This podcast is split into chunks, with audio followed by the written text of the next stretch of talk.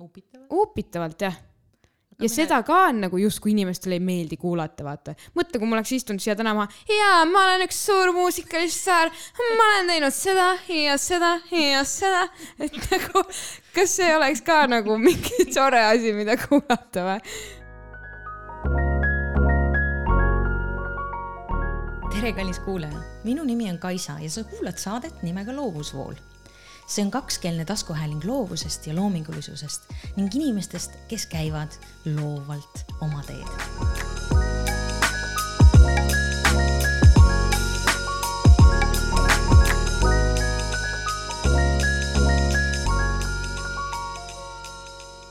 Äh, minu tänane külaline on täpselt minu tüüpi inimene. ta on muusikaline ja loominguline, ettevõtlik rööprähkleja ja seetõttu juba enne vestluse algust mulle väga sümpaatne. minu kokkupuutepunkt temaga on äh, läbida hiljuti alustatud ettevõtte nimega Pildisein, mis on äh, digitaalsele Eesti kunstiprintide müügile fokusseeritud e-pood. issand, kui pikk ja lohisev nimi.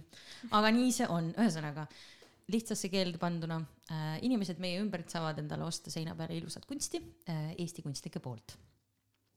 samas, kui ma hakkasin äh, selle külalise kohta rohkem uurima, avastasin ma, et neid kokkupuutepunkte on tegelikult tunduvalt rohkem.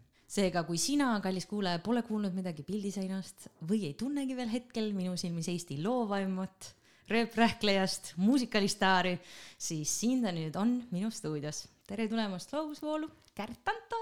tere! nii ilus sissejuhatus. minu arust sa ütlesid pildi seina kohta paremini, kui mina olen kunagi suutnud seda ühe lausega kokku võtta. No võta heaks. super, super, ei olnud üldse pikk ja lohisev, väga lühike ja kokkuvõtlik. ma arvan, et kõige lühem versioon sellest üldse, mis on võimalik öelda pildi seina kohta. kui ma ei eksi, siis ma põhimõtteliselt kopeerisin selle pika ja lohiseva lause su kodulehelt. aa, oli või? ja, aa, vau, okei. ma pean Ja- ja, ka siis- minema külastama seda vahepeal. ja, ja siis selle nii-öelda selle lihtsustatud variandi lihtsa inimese oma, selle ma mõtlesin küll välja ise. aa, nii okei et. kohe peal mm.. aga võib-olla see on variant, vaata, saame kohe välja vahetada. jah, jah. mis fokusseeritud mm. e-kunst, digitaalne kanal mm., nagu keegi ei saa arugi, millest sa räägid. ma ei oska seda reaalselt kuidagi normaalsemalt öelda. noh, jah see on niimoodi, probleem, tahad seinale pilti, here you go. jah, ja kui sul noh, seal ikkagi suur faktor on see, et miks, kus see pildisein tekkis, oli see, et mul oli valge sein ja ma tahan Eesti kunsti, ma ei taha Jyski kunsti siia onju. et siis, kui ma esimesed e-poed, mis ma netist leidsin, noh, seal alla tuhande euro oli ikka nagu väga vähe asju, sest et Wow. e-poed, mis on, müüvadki juba originaaltöid nii-öelda, väga yeah. paljudel on ka, kunstnikel on ka ju isiklikud veebilehed loodud ja isegi e-pood äh, e-poed on mõnedel eraldi niimoodi, ma ei tea, kuidas nad neid suudavad üleval pidada niimoodi. no tegelikult Aga- reaalsuses e-poe nagu pidamine iseenesest ei olegi niivõrd kallis, küll aga selle ülesseadmine ja tegemine yeah., see on see keeruline osa. jah, jah, ja no aga samas, kui sul ongi, sul on, müüd ühte tööd seal tuhande viiesaja euroga, siis kui sa müüd ühe töö maha, siis sa juba kaks kuud võid rahulikult või isegi pool aastat võid rahulikult Mhm. hingata, saad oma Zoni selle liikmetasu makstud, mis selle kümneks domeenitasu et jah, et aga, aga mis minu probleem oligi see, et hullult tahaks ju ilusat toredat asja, aga noh, tahaks niimoodi, et ma ei pea laenu võtma pangast. ja et tahaks toetada kodumaist või? jah, jah, et kuidagi see äh, kombinatsioon nagu heast hinnast, aga ikkagi nagu pigem kvaliteetsest tootest. noh, ta ongi, ta, mis pigem kval-, ta ongi väga kvaliteetne toode, et ta ikkagi fine art print selles mõttes, ta läheb Jah. ju puuviljapaberile ja seda teevad, kes mul prindib, on Artsmart, ehk mm -hmm. siis Mhm. nad teevad ju ka väga nagu, teevadki Eesti kunstnikele nagu väga kalleid asju ja seal on no lihtsalt see nii-öelda see, mis ongi kallis, mis seal maksab, on see paber jah, ja see printer ja see tint ka tegelikult. et, et lihtsalt ma saan neilt nii-öelda kõige odavama versiooni, aga see on juba tegelikult üsna kallis versioon. see on juba step up, tavaliselt läksin lihtsalt kuskile suvalisse trükikotta et printige mulle mingi asi välja nagu mingi plakat. jah, poster. jah, no selles suhtes oled sa nagu ikkagi nagu täiesti läbi mõelnud selle, et mitte nagu allahindlust teha just selle kvaliteedi osas, mis tegelikult ongi ju kõige olulisem, kui keegi Jah. selle seinale paneb ja juba mingit raha selle eest maksab, siis kunstnikuna mina tahan ju, et minu teos näeks hea välja ja ma arvan, et ka see inimene mm, -hmm. kes selle endale ostab, tahab, et see tal läheks hea välja seina peal. jah, võib-olla kui me praegu pildiseinast räägime, siis võib-olla üks asi, mis minu nagu hinge kraabib, et ma tean, et see töö paberi peal on nagu väga hea, aga võib-olla kõige odavam aspekt, mis seal praegu on, mida ma tahaks tegelikult, et see oleks parem, on see raam mm -hmm. ja see klaas et aga, et seda, et see töö endiselt mahuks mingisugusesse normaalsesse hinnapiiri. ma ei ole leidnud veel ideaalset lahendust, aga noh, ma mõtlen ja tegelen ja vaatan siin erinevaid tootjaid ja ja tegelikult ka ühte Eesti ettevõtet, kellele, kellega ma nüüd kogun hoogu, et nendega kuidagi mingile diilile saada. Et mm. saaks ikkagi ka selle raami ja klaasi sellise, et ta nagu on väga hea nojah, vaata seal on ju ka on ju mingi oma ala spetsialisti värk, et äh, peab olema veits UV-kaitset ja et ta sul ära ei pleegiks ja seina peal ilus välja näeks. ja reaalsus tegelikult on see ka, et pildi ja klaasi vahel peab olema õhk mm. -hmm. et tegelikult võiks olla see, et kui sa ei pane passepartoud ehk siis seda yeah. valget äärt onju, et siis tegelikult on olemas mingisugused väiksed ribad, mis lähevad klaasi ja, ja töö vahele ah,, et sinna okay., et töö ei oleks vastu klaasi mm. -hmm et siis, et see puuviljapaber ei noh, ma, ma nüüd ei tea, ma tegelikult tahakski vaadata, et kuidas ta nüüd siis äh, muidugi mul on kodus nagu pigem noh, ideaalsed tingimused, et mul on kuiv, onju yeah.. aga kui sa paned ta kuskile niiskesse ruumi, et kuidas see puuviljapaber nagu elab selle klaasi vastas seal, siis et tegelikult peaks need katsed ka nüüd siin aja jooksul läbi tegema, et kui keegi hakkakski hoidma oma tööd kuskil, ma ei tea, keldris, ma ei, ma ei näe küll põhjust, aga noh jumal teab, onju. no loodetavasti ikka ei panda ilusat Eesti kunsti kuskile keldrisse. ja no loodan ka, et ikka siseruumides jah, ja mitte välja akna peale, et vaata, vaata, vaata mind, mul on ka nüüd nagu mingi väike repro kellegi tööst, onju. aga eks selles mõttes ma nagu ikkagi ajan kvaliteeti taga, et, et äh, siia võrdluseks lihtsalt ma töötasin gümnaasiumi ajal äh, äh ühes äh, kapsel kohvimasinaid edasi müüvas ettevõttes uh. -huh. ja ma ise suur kohvifänn aga see kohvi, mis seal kapselkohvimasinast tuli, oli täiesti õudne. see, ma ei suutnud isegi töö juures seda juua, ma käisin, võtsin kõrvalt kafeiinist, võtsin endale kohvi, ma ei, nagu ei suutnud seda juua. aga see, kuidas, see kunst, kuidas müüa edasi toodet, millesse sa ei usu. aga see on jube väsitav, see on õudselt väsitav. see on tehtav, aga väsitav. jah, ehk siis ma ikkagi tahan ikkagi jääda sellele, sellele rajale, et ma tõesti nagu sada protsenti saan väita ja anda selle garantii selle kvaliteedi osas. et see on nagu hingeasi. aga me jõuame selle pildiseina juurde veel hiljem tagasi tulla, et ma kindlasti küsin selle kohta, et kust sul tuli see idee ja kõik see muu, aga ma arvan, et alustame natukene algusest, et siis jõuavad teised ka järgi nagu, et mm -hmm. ei ole mitte pildisein this and that onju. ühesõnaga, ma arvan, et enamus inimesi küsiksid sellel hetkel, et kes see Kärt Anton üldse on ja miks ta siin on seega räägi mulle, et kes sa oled kes ma, inimene. väga hea vastus, mulle meeldib see. Eh, kui sa nüüd natukene sügavamale lähed mm, -hmm. peale selle, et sa oled inimene, kes sa veel oled mm,? Eh, rööprähkleja on ka hea sõna, see, selle ma isegi võtan nagu omaks natukene ähm, ma olen, no ütleme siis, et ma olen sellise nagu pigem musikaalsema hingega ja muusika poole kalduv ja, ja üldse ma usun, et muusika suudab väga paljusid asju korda teha näiteks äh, riigikorra ja nii edasi, noh, laulupidu ja kõik see, aga väga romantiline lähenemine asjadele. mulle meeldib see äh,. ei no mingil ajal ju isegi laulupidu tegigi riigikorda. ja ma mõtlengi, et, et selles mõttes äh, äh, see on mingi viis, kuidas ma lähenen asjadele. aga kes ma olen? noh, muusik, raske on niimoodi panna ennast ühte kuskile lahtrisse aga keegi ei palunudki ainult ühte panna? seda küll. Äh, muusik, siis mulle meeldib, mis mulle veel meeldib teha, teatrit meeldib teha. ja siis, ma ei teagi. Kokku jooksin niimoodi, ma hakkasin nagu niimoodi analüüsima ennast, sest et mul nagu jooksis ma võin sulle kaasa aidata. Aita veel mind. mõned nimetused, mis ma mõtlesin, kõigepealt muusikalistaar on ju, siis äh, ma lugesin, et sa oled filmides näidelnud ja seriaalides näidelnud, ühesõnaga näitleja võib su kohta öelda, on ju. Ja nüüd kõik näitlejad panevad nagu silmad kinni, sest et noh, kui ma ei ole teatrikoolis käinud, ma ei ole teatrikoolis käinud, et siis, siis ma ei saa ennast näitlejaks pidada tegelikult. ahah, aga okei, aga jah, ma olen teinud filmis ja sarja ja teatrit jah mm. Mhm. -hmm. mitte. paberitega ühesõnaga, ilma paberiteta, oleme korrektsed. kas, kas sul millelgi üldse paberid on või? Milles mul on või? jaa ja mul on äh, helitehnoloogias on paber aa, no braavo. ja, ja ma olen paberitega laulja. No nii, no kuule, mis see on ju täitsa tore saavutus. aga ma tahan täiega vai-, vastu vaielda nagu sellele, et ilma paberiteta ei saa midagi olla, vaata. minu arust võid sa olla jumala vabalt nagu näitleja ilma paberiteta ja laulja ilma paberiteta ja helitehnik ilma paberiteta ja, Ja ja näitleja ilma paberiteta. mina usun ka sellesse, ma lihtsalt tean ka, mida professionaalsed näitlejad, paberitega näitlejad sellest arvavad. professionaalne šmošešoš. jaa, ühesõnaga, eks kõik usuvad sellesse, mis nad tahavad, ega lõpuks noh, mina teen ju seda, mis mulle meeldib, et kui ega mul töö siis saamata ei jää, sellepärast et Täpselt. väga paljudeski kedagi ei huvita see paber. Nad vaatavad seda, kuidas sa teed asja. kui sa oskad, siis ta võtab sind tööle lihtsalt, üldiselt. jah, no selles suhtes ma mõtlengi nagu, et okei okay,, et äh, hästi tavaline, et kui sa inimese käest küsid, onju, et kes sa oled, onju, siis äh, kohe defineeritakse ennast läbi oma töö, onju. mulle Mhm. meeldis sellepärast just see sinu vastus, ma olen inimene. jumala loogiline, nagu mis sa küsid mu käest, nagu ise ei näe või? see on jumala, jumala okei, onju. jah, ja, ja siis tekibki nagu küsimus, et kas see üldse on oluline, et kas ma peangi siis ütlema, et, et minu töö on see, kellena ma ennast defineerin, ilmselt mitte mm. -hmm. ilmselt mitte.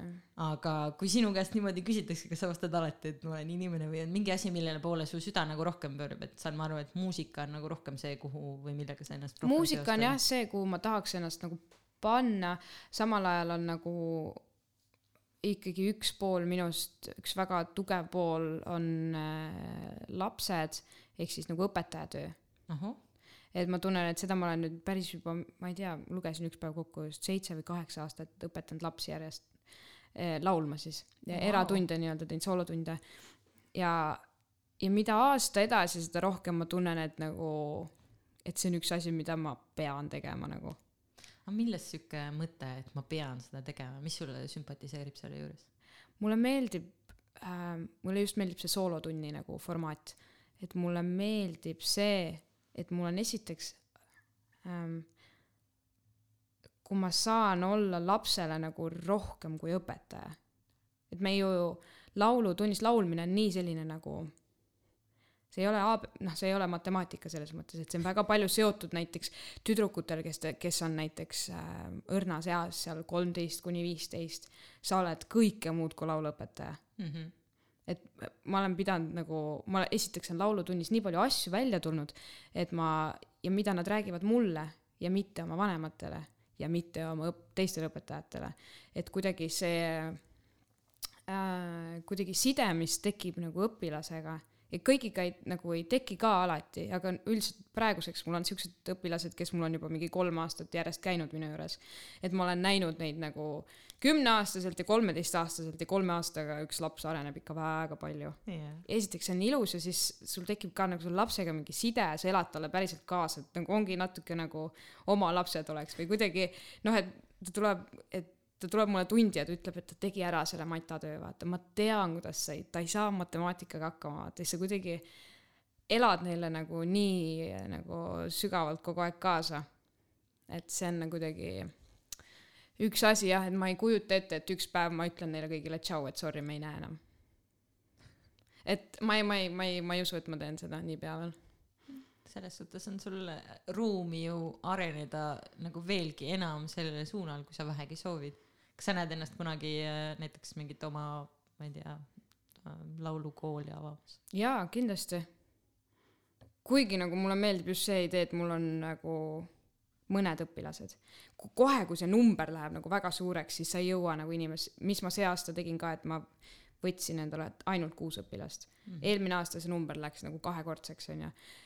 Et siis ma tundsin, et ma ei jaksa enam, sest et noh, see on nagu põhimõtteliselt psühholoogi töö. Nad või nõustaja, no ma ei tea, kuidas nemad oma tööd teevad, ilmselt sa ikkagi, sa ei ela, sa ei suuda elada neid asju niimoodi läbi et sa ei lase endale neid nii isiklikule kuidagi tasemele, kui mina neid praegu lasen õpilasi nagu nii kuidagi lähedale endale ka.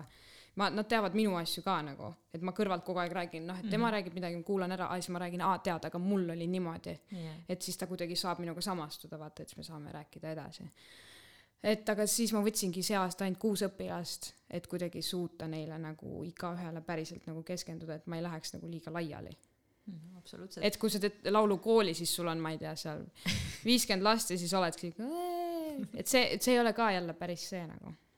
ühesõnaga, sulle sümpatiseerib lihtsalt see, et sa saad olla nendega nagu isiklikul tasandil äh, lähemalt seotud mm. -hmm ja noh, tegelikult ju psühholoogide, terapeutide puhul ka ja noorsootöötajate puhul samamoodi tegelikult nad ju läbivad need kursused, kus nad nagu õpetatakse seda asja mitte nii sügavale või isiklikule tasandile, mitte laskma, aga nagu, et see, et see ei tõmba vaata sind samal ajal maha, vaata mm. -hmm. või, või ei tõmba nagu sinu elust ennast nagu välja nii palju. ja, ja kusjuures kohe nagu, kui sa ütlesid see lastega töötamise osa nagu, et mul endal nagu tuli meelde see, et ma tegin äh, varasemalt selle aasta, eelmise aasta lõpus, tegin siukest asja nagu passion test, kirjatest onju mm. -hmm. ja see on äh, siukene harjutus, kus sa põhimõtteliselt järjestad ära äh, tunnetuse põhjal nagu kümme oma unistust, mis sul tol hetkel tulevad, mis sa üles kirjutad okay.. ja hästi huvitav aspekt selle asja juures oligi see nagu, et äh, ma ise arvasin kogu aeg, et minu number üks nagu kirg on loominguga tegelemine mm. -hmm. aga selle kiretesti nagu tulemusena äh, Äh, jäin mulle lõpuks esimesele-teisele kohale nii-öelda äh, noh, nii-öelda võrdlemiseks äh, loominguga tegelemine ja noorte kunstnike või loovinimeste aitamine mm -hmm. läbi, ma ei tea, siis erinevate variantide, nendele mentoriks olemine. ja kummaline oligi see, et see noortele nagu just mentoriks olemine või nende aitamine mm -hmm. või nende nagu toetamine sellel teekonnal, kus mul mhm. endal nagu oli raske, oli minu jaoks lõpuks suurem kirg kui mm -hmm. see, et, et ise oma loomingut teha või ise kunstnik olla või ise nagu silma paista yeah.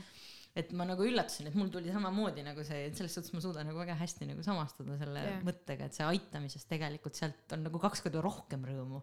et -hmm. üks on see, et sa said teda nagu suunata selles suunas, aga teine on see, et ta sai hakkama ja läbi selle nagu kuidagi sina ka oled niimoodi. ma ka võitsesin see ongi tegelikult, see on ka eneseteostus.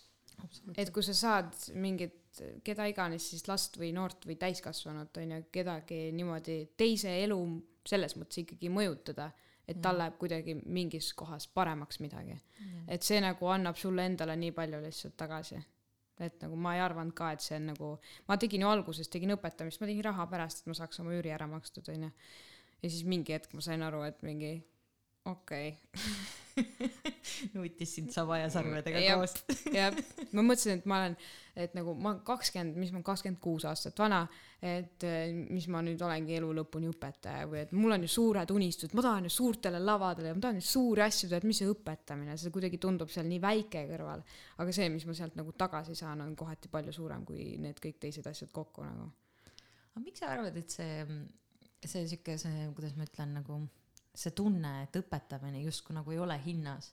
et, et miks meil nagu selline tunne on üldse, et kas see on ühiskondlik asi või see on, või see on lihtsalt mingi sinu isiklik asi, et sihuke vale arusaam. sest mulle tundub, et nagu õpetajad Eesti ühiskonnas tegelikult nii kõrgelt ei hinnata, kuigi nemad on need, kes reaalselt esimesed kaksteist eluaastat äh, ju noort suunavad kõige rohkem, vaata et isegi rohkem kui vanemad kohati mm. -hmm. Mm ma arvan, et äkki kui ma ise olin noor, siis mul ei olnud liiga palju selliseid õpetajaid, kes oleks mind, üks oli, oli mu viiuliõpetaja, kes oli ka no niimoodi boost'is mind lihtsalt iga, iga kord, kui me nägime. aga et mul näiteks noh, kui me räägime kooliõpetajatest yeah., siis kuna neil on jälle täpselt seesama teema, eriti kui sa oled, kuigi ma ei käinud liiga suures koolis mm., neil on nii palju lapsi, sa ei lihtsalt ei jõua noh, et sa, sul käibki lihtsalt massid käivad silmade eest läbi, et see ei olegi inimlik, et sa suudad kuidagi niimoodi igale ühele keskenduda eraldi. kindlasti neile keskendutakse, kes kuidagi nagu silmnähtavalt vajavad abi. aga ma olin pigem sihuke keskmine, alati sain ise oma asjadega hakkama, ei jäänud mingeid asju väga võlgu ja noh, olin ilmselt sellepärast nagu ma ei oska seda õpetaja tööd niimoodi nagu hinnata võib-olla nojah, vaata, seal ongi see, et sa oled kas liiga problemaatiline või väga silmapaistev, on ju, kaks äärmust, et mm -hmm. siis mhm. nagu tekivad tavaliselt need momendid, kus nagu rohkem tähelepanu pööratakse yeah.. et selle koha pealt ma olen isegi sinuga nagu nõus. Üks asi, mis mul nagu on endale jäänud nagu meelde nagu omast ajast ongi just, et on mingid teatud tüpaaž õpetajad, kelle puhul sa näed nagu, et nad tõepoolest armastavad seda ala, mida nad õpetavad. ja minu arust hästi oluline selle asja juures ongi see nagu, et neid mitte nagu üle koormata nii kas tundide või selle üleliigse tööga või sellega, et nad saaksid oma seda kirge hoida ja et nad mm. -hmm. saaksid nagu seda edastada, just seda entusiasmi noh. jah, et noh, miks on nii, et mõnel, mõnel inimesel nagu matemaatika üldse ei nagu ei tönka onju ja teisel nagu on ülihästi. või, või füüsika või loodusained Jah. või mis iganes onju, et minu arust väga palju on nagu kipub tihti minema ka sellele tasandile, et see on lihtsalt inimlik tasand, kas see inimene on mulle sümpaatne, kes mulle seda õpetab või mitte ja kas ta oskab selle selgeks teha. jah, et äh, selles jah, mõttes aga, aga nüüd selles mõttes nüüd, kui ma ise õpetan, siis mul nagu on äh, mega respekt nagu eh, kõikide õpetajate suhtes, aga eriti just mulle meeldib nagu noh, kui sa oledki koolis õpetaja, see on seal tegelikult see on täiesti teistsugune õpetamisviis jah, onju, et aga kui sa oled huvihariduses näiteks mis iganes alal siis või erialal, siis äh, siis ma imetlen neid õpetajaid, kes nagu noh, teevadki seda nagu full passion'iga nagu noh, siis nad saavad aru ka ilmselt, millest ma räägin, onju mm,. et aga need ongi tavaliselt nüüd uuema aja õpetajad nii-öelda, kes on noored, kes tulevad peale, onju. nii palju, kui mina tean, kõigile meeldib. lihtsalt ainuke on see palganumber, mis seal tavaliselt Jah. hakkab mängima lõpuks, et äh, ei, ei maksta ju selle asja eest nagu nii hästi, kui tahaks. nojah, see, see nagu taandubki lõpuks siis on ju missioonitundele, aga tegelikkuses mm. -hmm. reaalsus nagu missioonitundega pealt nagu sa ei saa eluaeg seda kirge ja entusiasmi hoida. et noh, mingil hetkel ma ikkagi loodan, et, et ka nagu meie ühiskonnas see, see siukene õpetaja tööroll ja tähendus nagu muutub veidi kõrgemaks ehk taas uuesti, sest mulle tundub, et vahepeal ta nagu läks veits liiga alla. jah, et kuidagi hakati hästi vaata nagu raha peale mõtlema ja noh, mingid suured, ma ei tea, kõrged töökohad ja kõik muu säärane, aga et Jah. nagu umbes, et siuke tavainimeste rollid, et noh, a la tuletõrje, pääste, kiirabi mm, -hmm. õpetaja onju, kes on põhimõtteliselt kogu ühiskonna alustajad, nagu ah, no maksame neile midagi onju. täpselt, see on nagu reaalselt meie ühiskonna alus. palun Just. anname neile midagi natuke rohkem, ilma nendeta nagu ootab meid ees katastroof lihtsalt. just noh, siis see võtab ju põhilise osa sellest asjast ära onju, sa ikkagi tahad, see on sinu turvatunne Jah.. et see, kas keegi, keegi tuleb vaatama su korterit, kui see tühjaks on varastatud või kas keegi tuleb su maja kustutama, kui see on põlema läinud või Jah. kes sinu lapsega päevad läbi aega veedab, kui sina seda teha ei saa. kes su lapse maailmapilti kujundab tegelikult. vaata, kui palju tunde nad on koolis, seal nelja seina vahel. et nagu nendest kasvavad ju üks päev inimesed, kes otsustavad meie asju. täpselt siis, kui ise oled kuuskümmend jah, ei jaksa voodist välja tulla, onju. siis on needsamad, kes on praegu teises klassis, on, otsustavad sinu eest asju, onju. palju sa saad seda pensionit või ei saa, onju. jah, kui sa tahad, ühesõnaga üleskutse, kui sa tahad endale head pensionit, siis panusta noortesse, panusta õpetajatesse. täpselt, vaata, vaata, kus see asi nagu pihta hakkab. jah, alustame ikkagi juureravist, mitte nagu nende aukude plammimisest. väga õige, kuldsed sõnad. aitäh sulle. võta heaks, just mõtlesin välja. okei, ühesõnaga me jõudsime nüüd juba õpetamiseni, noh ma iga kord üritan sinna algusesse tagasi kerida, aga no ju siis ei ole nagu see nii mõeldud. Aga ma nüüd ikkagi üritan uuesti okei, proovi veel. nii, et äh, pisike Kärt on ju, oli, olid väike Kärt, käisid mööda ilma ringi, mida mm. tahtis väike Kärt nagu, mida ta üldse mõtles oma elust, kas temast saab laulja või mitte või midagi muud või? mm,. kui väike nüüd? oleneb natukene. okei okay,, aga alustame siis sellest, milline on sinu esimene mälestus pisikesest Kärdist? kui väike ta ah, oli? mul tegelikult on hästi tore mälestus, aga see mälestus on ka nüüd sellepärast, et sellest on video aa, no vot. ja, ja siis tänu selle videole mind toodi tagasi sinna hetke, ühesõnaga on see olemas selline video, koduvideo, kus on mind niimoodi salaja filmitud, et ma istun kodus vaiba peal, need jalad harkis ja siis ma mängin, mul on seal niimoodi, mul on mingid erinevad mingid kaisukad ja siis mingid nukukesed seal ja siis ma laulan mingit laulu ja nii-öelda räägin omaette, vaata mingi mingi dialoog käib onju ja teen seal umbes teatrit mingi noh nagu lapsed ikka mängivad Jah. vaata samal ajal käib mingi la-la-la-la-la-la issand ma tahaks seda videot pärast saadan sulle see on nii tore video. Ja siis mu vanaema rääkis et ma olingi sihuke sihuke noh see video on siis ma olin kuuene või? Mhm. äh, ei käinudki veel koolis. Et vanaema ütles et äh, ma olingi sihuke laps et kogu aeg käis mingi lämin kogu aeg on mingid dialoogid mingid väiksed laulukesed ma ise seda ei mäleta Mhm. äh, aga, aga siis vist tunduski loogiline mind panna muusikali mu,, muusikakooli. mida sa muusikakooli õppima läksid? viiulit ohohohohoo, ema ütles, et nii. päris korralik käek sul on kätte anda ema ütles, et äh, Kärt, et sa pead minema muusikakooli, see on fakt mm, -hmm. et noh, et selle otsuse teen mina. Aga et seda, mida sa õppida tahad, seda saad ise valida ja ma olen nagu pigem ka sihuke laiskvorst, et ma tahaks üsna lihtsalt läbi saada tegelikult mm. -hmm. too hetk ma ei olnud muusikakoolist mingi väga vaimustuses. siis ma ütlesin, noh, et ma võtan nagu kõige kergema pilli, vaata, millega peab kõige vähem tegelema ja ma mõtlesin, et viiulil on nagu neli keelt, neli nooti, davai. õde võttis klaveri, klaveril on, ma mõtlesin, hulluks läinud, seitsekümmend kaheksa või palju seal neid klahve on. no ikka on neid klahve. et seda Ma ikka aga ma neid ikka annab vajutada, onju, ma mõtlesin viiulil neli keelt, neli nooti, super, käksutan neid.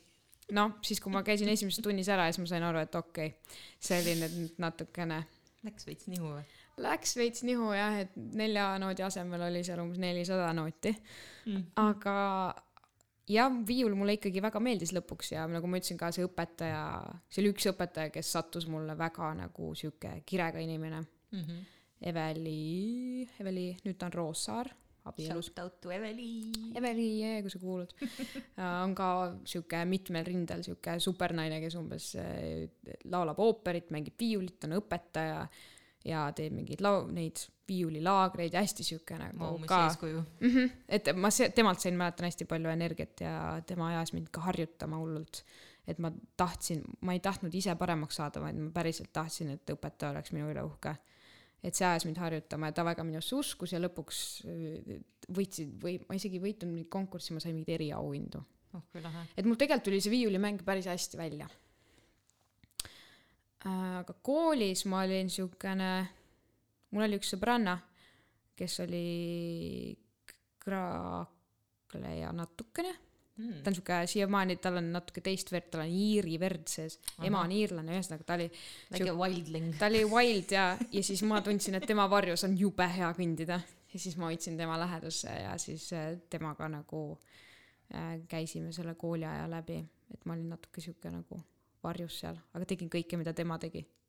ühesõnaga, see oli niimoodi, et sa ise ei olnud nagu niivõrd julge, aga kuidagi palju julgem oli olla kellegagi, kes oli julge. jah, aga seda ma sain kohe aru, et mul on nagu see edevus on tulnud emapiimaga kaasa, et mulle nagu hullult, hullult suur lavanärv, aga lavale hullult on vaja minna ja ennast näidata ja nagu see, eks see nagu, see on, see on mingi edevus, mis ongi vajalik.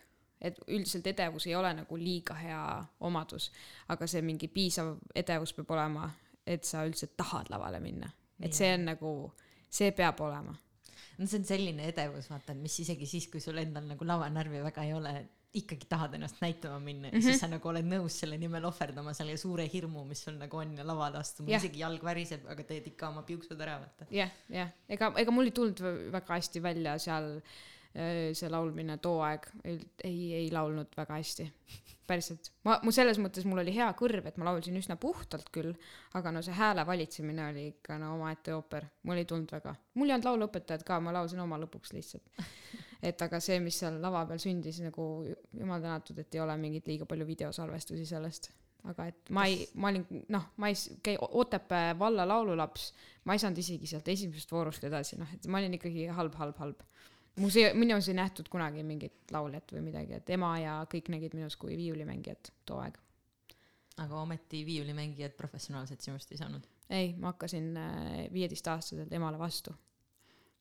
See see on nii, nii tuttav tunne mulle no lihtsalt vastukaaluks sulle siis ka onju sinu viiulilugu, et mind kuueaastaselt viidi lihtsalt perekonna tuttava juurde, kes, kellel oli kodus klaver ja kes oli juhuslikult klaverimängija mm. -hmm. noh, ja kes siis natukene mängis seal onju, sel ajal kui me külas olime, ma läksin juurde, tegin nii piu, piu, seal ka klaveri peal paar korda ja siis sellest tehti järeldus, et äh, nii, Nonii, no nii siit tuleb järgmine klaverimängija. super. et äh, ühesõnaga noh Mhm. see on minu linnalegend sellest onju, aga mu ema räägib muidugi sellest nii, et mina olin nagu paha uni peale käinud, et ma tahan nüüd klaverit õppima minna ja siis just sellesama tädi juurde ja siis selle tädi juures ma vist mingi aastakene käisin, aga väga ei viitsinud harjutada ega midagi teha Mhm. onju ja, ja noh, lõppes see asi siis sellega, et ma ikkagi käisin muusikakoolis kokku vist lõpuks oma kümme aastat.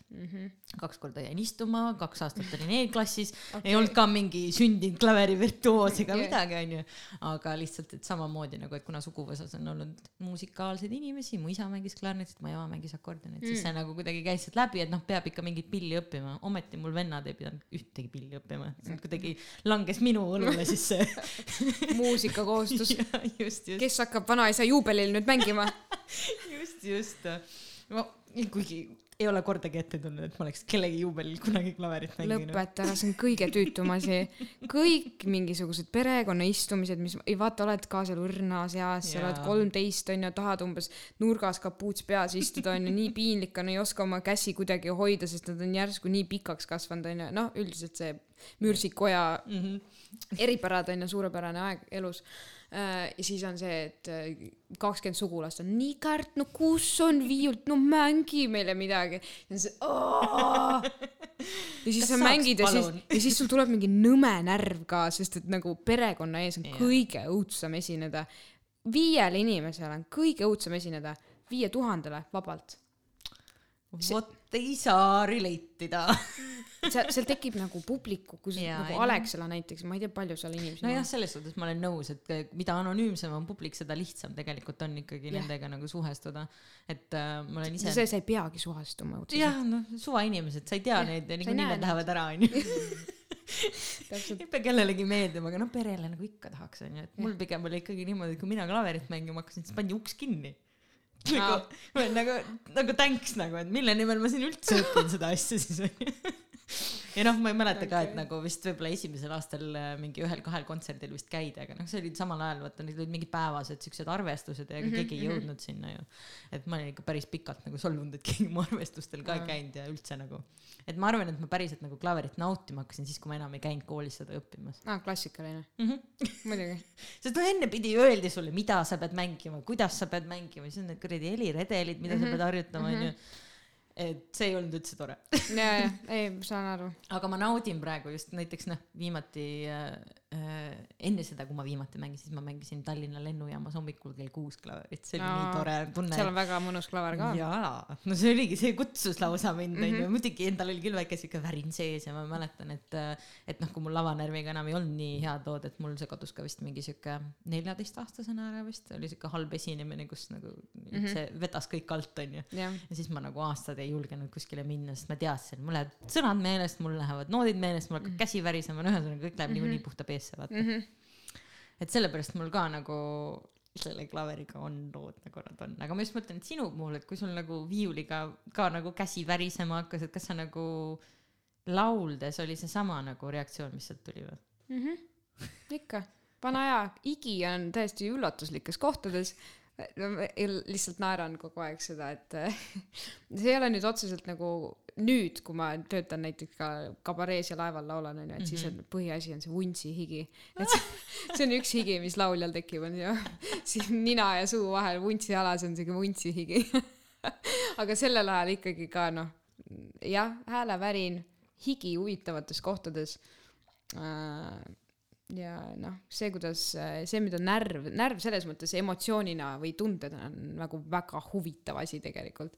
et see, mida ma olen selle, kuna mul on endal olnud närviga nagu nii rämedad probleemid, et mul lähevad nagu esitused selle nahka, et ma proovisaalis teen põhimõtteliselt yeah. enda jaoks mingit kulda onju, siis lähed lavale ja noh, see ei ole isegi arvestatav enam, et see lihtsalt see teeb lõpuks, kui see on korduv muster, see teeb lihtsalt ennast kurvaks, et miks ma ei suuda nagu, sa saad aru, et see tegelikult närv on keemiline protsess nagu sinu ajus Mm -hmm.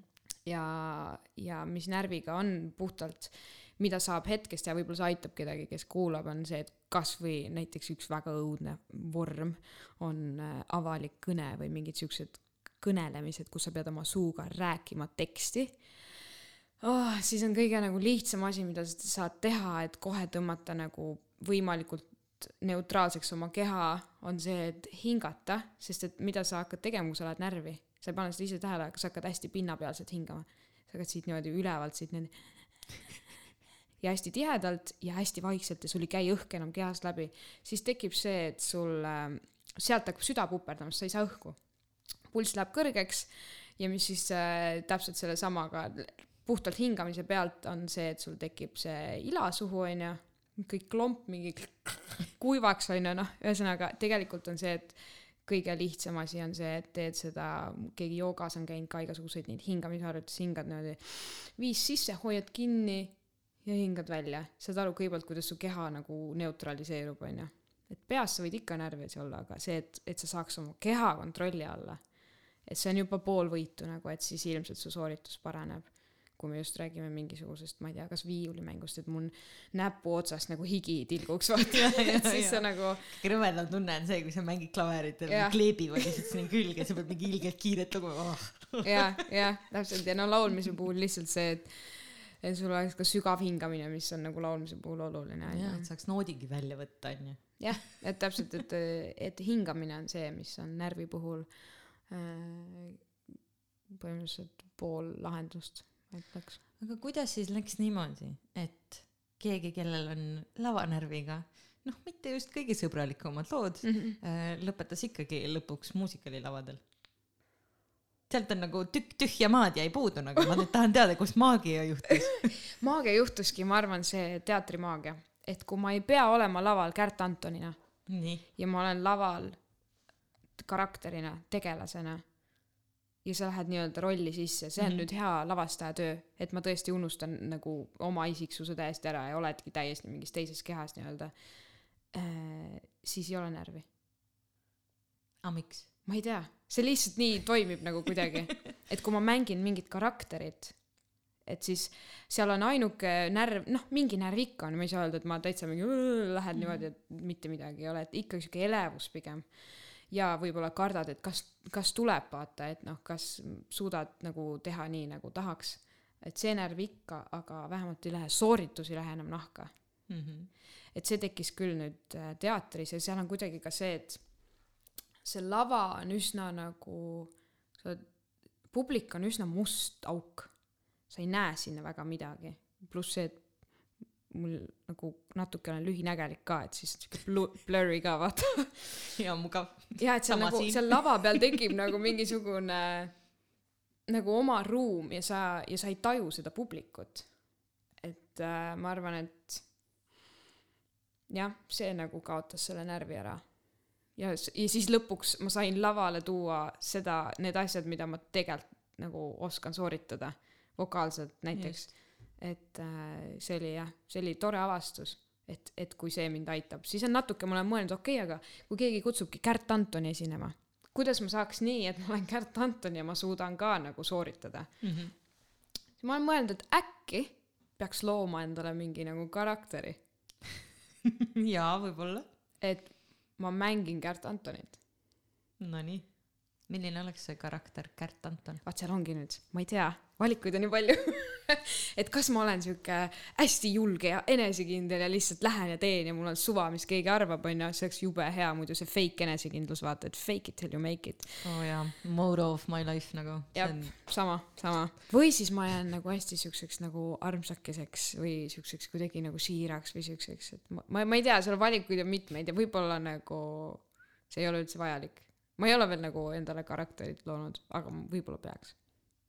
See on kummaline, et sa seda karakterit nagu mainid, ma jäin ise mõtlema selle peale, et ähm, et ma olen ka nagu elu jooksul olnud väga siukene äh, noh, ma ise nimetan ennast introvertiks, aga tegelikult ma ilmselt olen otsapidi veits nagu ambivert.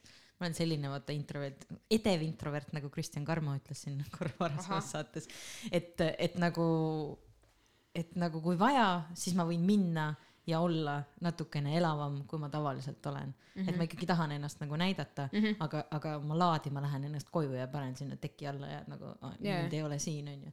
ja, ja tegelikult see üks asi, mida ma nagu oma elu jooksul olen teinud, onju, mida võib-olla paljud inimesed ei tea, sest ma ei ole seda nagu avalikult kogu aeg Mhm. rääkinud, on see, et ma panin ennast olukorda, kus ma ei saa olla nii introvert, nagu ma tahaksin. ja ma teen seda läbi selle, et ma näen välja natukene ekstravagantsem, onju. Mhm. et see ongi just seesama nagu rolli panemine. mm. -hmm. et minu jaoks näiteks see, et mul on juuksed mingit kirevat värvi Mhm. onju, tegelikult alati paneb mind sellisesse olukorda, kus mind pannakse tähele, ma ei saa ennast peita, ma ei saa mingi müürilillekene olla mm. -hmm. ja teine on see, et ma tekitan põnevust inimestes, nad tahavad teada, nad on huvitunud yeah., et selle asemel, et mina neile lähenema pean, nad lähenevad mulle ise, onju.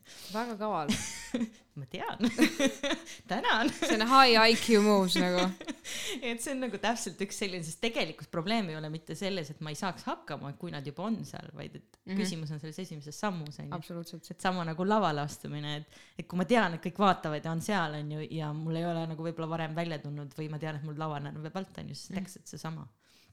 et kui sul on vähegi olnud see sihuke positiivne moment juba seal, et mul on nüüd välja tulnud, siis sa tegelikult lähed palju julgemalt lavale kui siis, kui sul on umbes niimoodi, et ah oh, iga kord on pekki läinud, et mis nüüd saab. jah, jah, sest et nüüd neid häid hetki on olnud küll, mõned on ju, et, et, et ma ei, ma ei ole väga julenud proovida, kuigi nagu ma ei, saa ka ennast nagu nii maha teha, sest mul üks esinemine just hiljuti oli nii-öelda Kärt Antonina, Nonii, väga okei okay oli, aga siis ma natuke, kui ma nüüd mõtlen, siis ma seal mängisin küll selle fake it till you make it'i peale, et nagu ma läksin ja ma mõtlesin, ma olen ülienesekindel, ma olin mingi tere õhtust, nii, me oleme kogunenud siia, et kuulata seda, kuidas mina laulan. Et, et see kuidagi sellisena nagu, aga seal on ka nagu see fine line jällegi, et see, et see ei läheks üleolevaks ja ülbeks, vaata. Yeah., et sa seda ka ei taha, et see, sest tegelikult ma arvan, et ma ei ole väga üleolev inimestest, et aga see on lihtsalt, ma võin mõjuda, kui ma hakkan nii-öelda enesekindlalt ennast mängima, onju. absoluutselt. ja kusjuures see on naljakas, et sa just ütledki seda nagu, et noh, fake it till you make it on ju, noh, fake it till you make it nagu enesekindluse osas nagu, mida ta tegelikult annab, on see, et ta annab teistele inimestele selle mulje, et sa oled ja seeläbi nad peegeldavad sulle tegelikult tagasi seda mida nad arvavad, et nad näevad. ja, ja sa hakkad ise seda lõpuks uskuma. just. jah, nii et mina olen alati öelnud, et see on nagu see salarelv nagu, millega saab nagu, saab nagu iseennast sellest oma sellest ähm, kuidas ma ütlen, sellisest momendist nagu välja tuua, kus sa võib-olla ei usu endasse nii palju. jah, et äh, tegelikkuses ongi ju kõige keerulisemad asjad need esimesed sammud ja kui me sealt oleme edasi saanud, siis juba läheb nagu lihtsamini. ja, ja no üldse see ka, et panna ennast ebamugavasse olukorda kuidas sul see välja tuleb? no ma olen seda paar korda teinud, see on ka natuke selline nagu sihuke adrekalaks, vaata. et ta on samal ajal nii ebameeldiv, kuigi samal ajal viib sind väga palju edasi jälle. sa tunned, et kui sa oled mingi sel-, ühe sellise asja ära teinud, siis vahet ei ole, kas see kogemus oli positiivne või negatiivne. sa nagu suht iga kord oled mingi, aa okei okay,, sellest on nagu midagi õppida jälle. või sa õpid ennast tundma, kuidas sa mingites olukordades käitud. ja, ja see noh, seda lihtsalt tuleb analüüsida ja sa ei tohi olla liiga kriitiline enda suhtes. kas sa oled enda suhtes kriitiline? suht, ma arvan, ma natuke on paremaks läinud ka. mingi hetk ma mõtlesin, okei okay,, ma ei ole üldse kriitiline ja siis, ja siis ma tegin paar näiteks lugu. siis ma mõtlesin, et okei okay,, see tuli mu seest välja, ju siis see tahtis tulla, lasin, tegin avalikuks, siis kuulasin poole aasta pärast, mõtlesin, mis mul viga oli. see on ju õudukas. ühesõnaga, siis ma võtsin need kohe maha jälle. et see on siuke nagu lainetamine olnud, et kas ma nüüd olen kriitiline või ei ole kriitiline, et mm, ei oskagi öelda, kus ma nagu praegu olen sellega.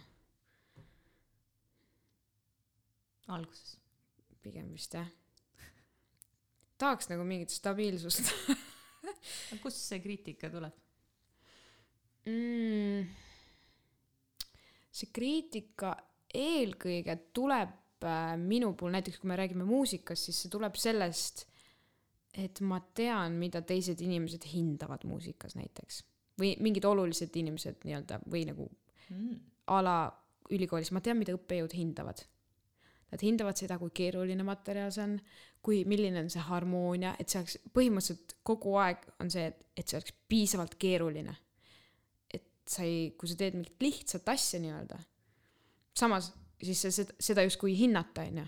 Mhm. mul on siuke tunne vähemalt, aga samal ajal ma ise tunnen, et kui sa teed ülilihtsa asja, aga see on geniaalne, et see on see nagu, see on see sweet spot tegelikult aga selle kohta öeldaksegi ju, et lihtsuses peitub võlu. ja see, ja see nii ongi, aga, aga kui si-, ma olen üritanud teha nii-öelda lihtsaid asju. aga need tulevad tavaliselt ilma võluta. vähemalt mulle tundub. aga võib-olla asi ongi selles, et sa vaatad seda läbi oma prisma, et, et mõnikord on meil ju raske panna ennast teiste inimeste nagu sellesse vaatenurka ka, kui me ise oleme enda suhtes väga kriitilised. jah, see, seda küll. noh, muusika puhul üleüldiselt ma tegelikult arvan, et ei peaks olema liiga kriitiline, eriti alguses, sest et äh, lihtsalt kilometraaž näiteks lugude tegemisel juba viib sind nagu suht kiiresti nii palju edasi, et nagu sa lõpuks ei peagi olema kriitiline enda muusika suhtes liialt, sest et noh, sa iga korraga arened. lihtsalt ma olen teinud nii palju lugusid sahtlisse ja ei lase välja, sest et ma tunnen, et nope, see ei meeldi inimestele okei okay,, palju sul siis on lugusid sahtlis? oi, oi, oi. no nii, kas me räägime kümnetest või sadadest? ei, kümnetest pigem, okei okay., mitte nüüd sadadest, nii palju ka ei ole, aga noh, täitsa siukseid valmis asju on tegelikult, aga noh, need ongi mingil ajahetkel kirjutatud ja siis need ei haaku enam minuga, need mõtted ei haaku minuga enam. siis mulle tundub kuidagi kohatu neid välja anda. saad aru, mis ma mõtlen? ma olen juba sellest ajast mööda läinud, see olin mina kümme aastat tagasi, see on mina viis aastat Reaalselt. tagasi. mul, on, mul on mingid lood mingisugustest heartbreak idest onju, kui ma olen kakskümmend umbes. et nagu noh, see ei olnud tegelikult mingi heartbreak, aga võib-olla oli ka, noh, ju mina tolles hetkes. ju ma siis midagi tundsin nii, nii tugevat, et oli vaja ka ja oli vaja selliseid sõnu öelda, aga pigem tundub see natuke nagu ülepaisutatud natuke.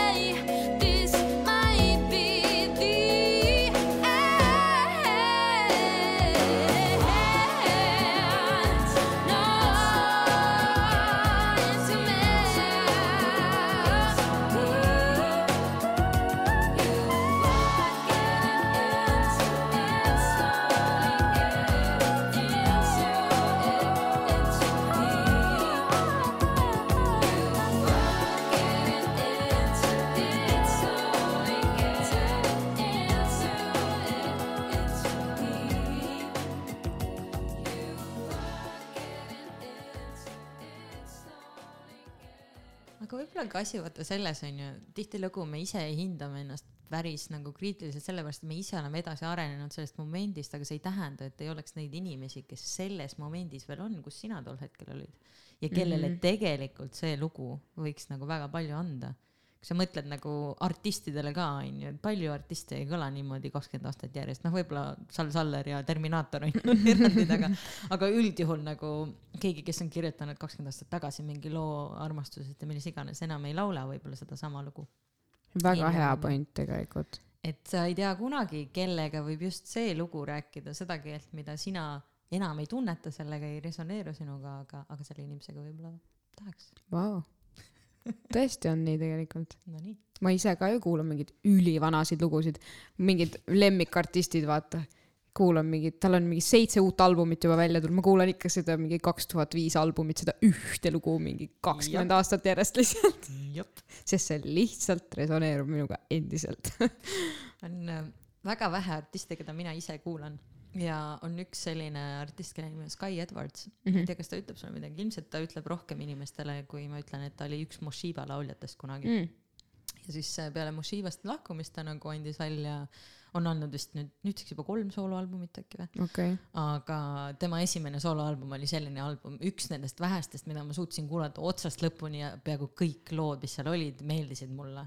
Igal nagu nendel oli mingi sõnum nagu minule, see Okei. oli õige ajahetk, õige moment ja ma kuulan siiamaani seda sellise entusiasmiga, et ma mõtlen mm, Mhm. -hmm. oh my god, nagu, et kuidas sa suutsid just tabada ära selle nagu, kes mina olen, onju. kuigi tema tol hetkel ilmselt nagu laulis lihtsalt seda, mida ta tahtis laulda ja tema hilisemad albumid näiteks enam üldse ei imponeeri mulle nii palju. Mhm. et see on Jah. kummaline nagu, kuidas mingid äh, mingitel hetkedel mingid laulud, mingid lood, mingi muusika meid Mhm. aitab rohkem kui teistel onju, sest iga Jah. muusika jaoks on oma õige hetk ja aeg. jah, täpselt. aga kas sul endal on ka mõni selline mm, artist siis, keda sa võib-olla kuulad ja jälgid nagu rohkem või kes on sulle sümpaatsem või oled sa kõige kuulaja? üldiselt praegu on küll täitsa segapudrukaps, et mul läheb iga päev läheb see Discover Weekly Spotify'st ja need mm daily mix'id ja ma isegi au- ausalt öeldes ma isegi ei tea väga täpselt, seal viskab hästi palju uusi artiste lihtsalt ei jõua, ei ole jõudnud nagu jälgi ajada, võib-olla sellepärast ei ole keegi nii tugevalt nagu mõjunud.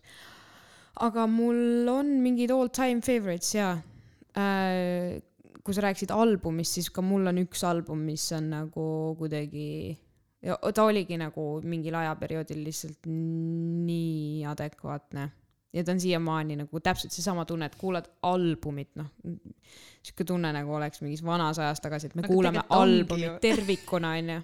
sa räägid äh, Spotify Discover Weekly, enamus inimesi tarbib tänapäeval muusikat läbi striimimise ja läbisegi. jah, aga kuulad seda tervikut, onju, siis äh, Coldplay album Oceans, Hmm. mis on äh, mulle algusest lõpuni väga, väga, kas kas see albumi nimi oli ka Oceans, vist oli, seal on üks lugu Oceans lihtsalt, mis on mu lemmik, aga ma, ma arvan, et selle albumi nimi oli ka Oceans. noh, kes tahab teada, see võib ise guugeldada pärast, kas Jah. oli või ei olnud. sihuke tume, sihuke tumesinine on see plaadikujundus.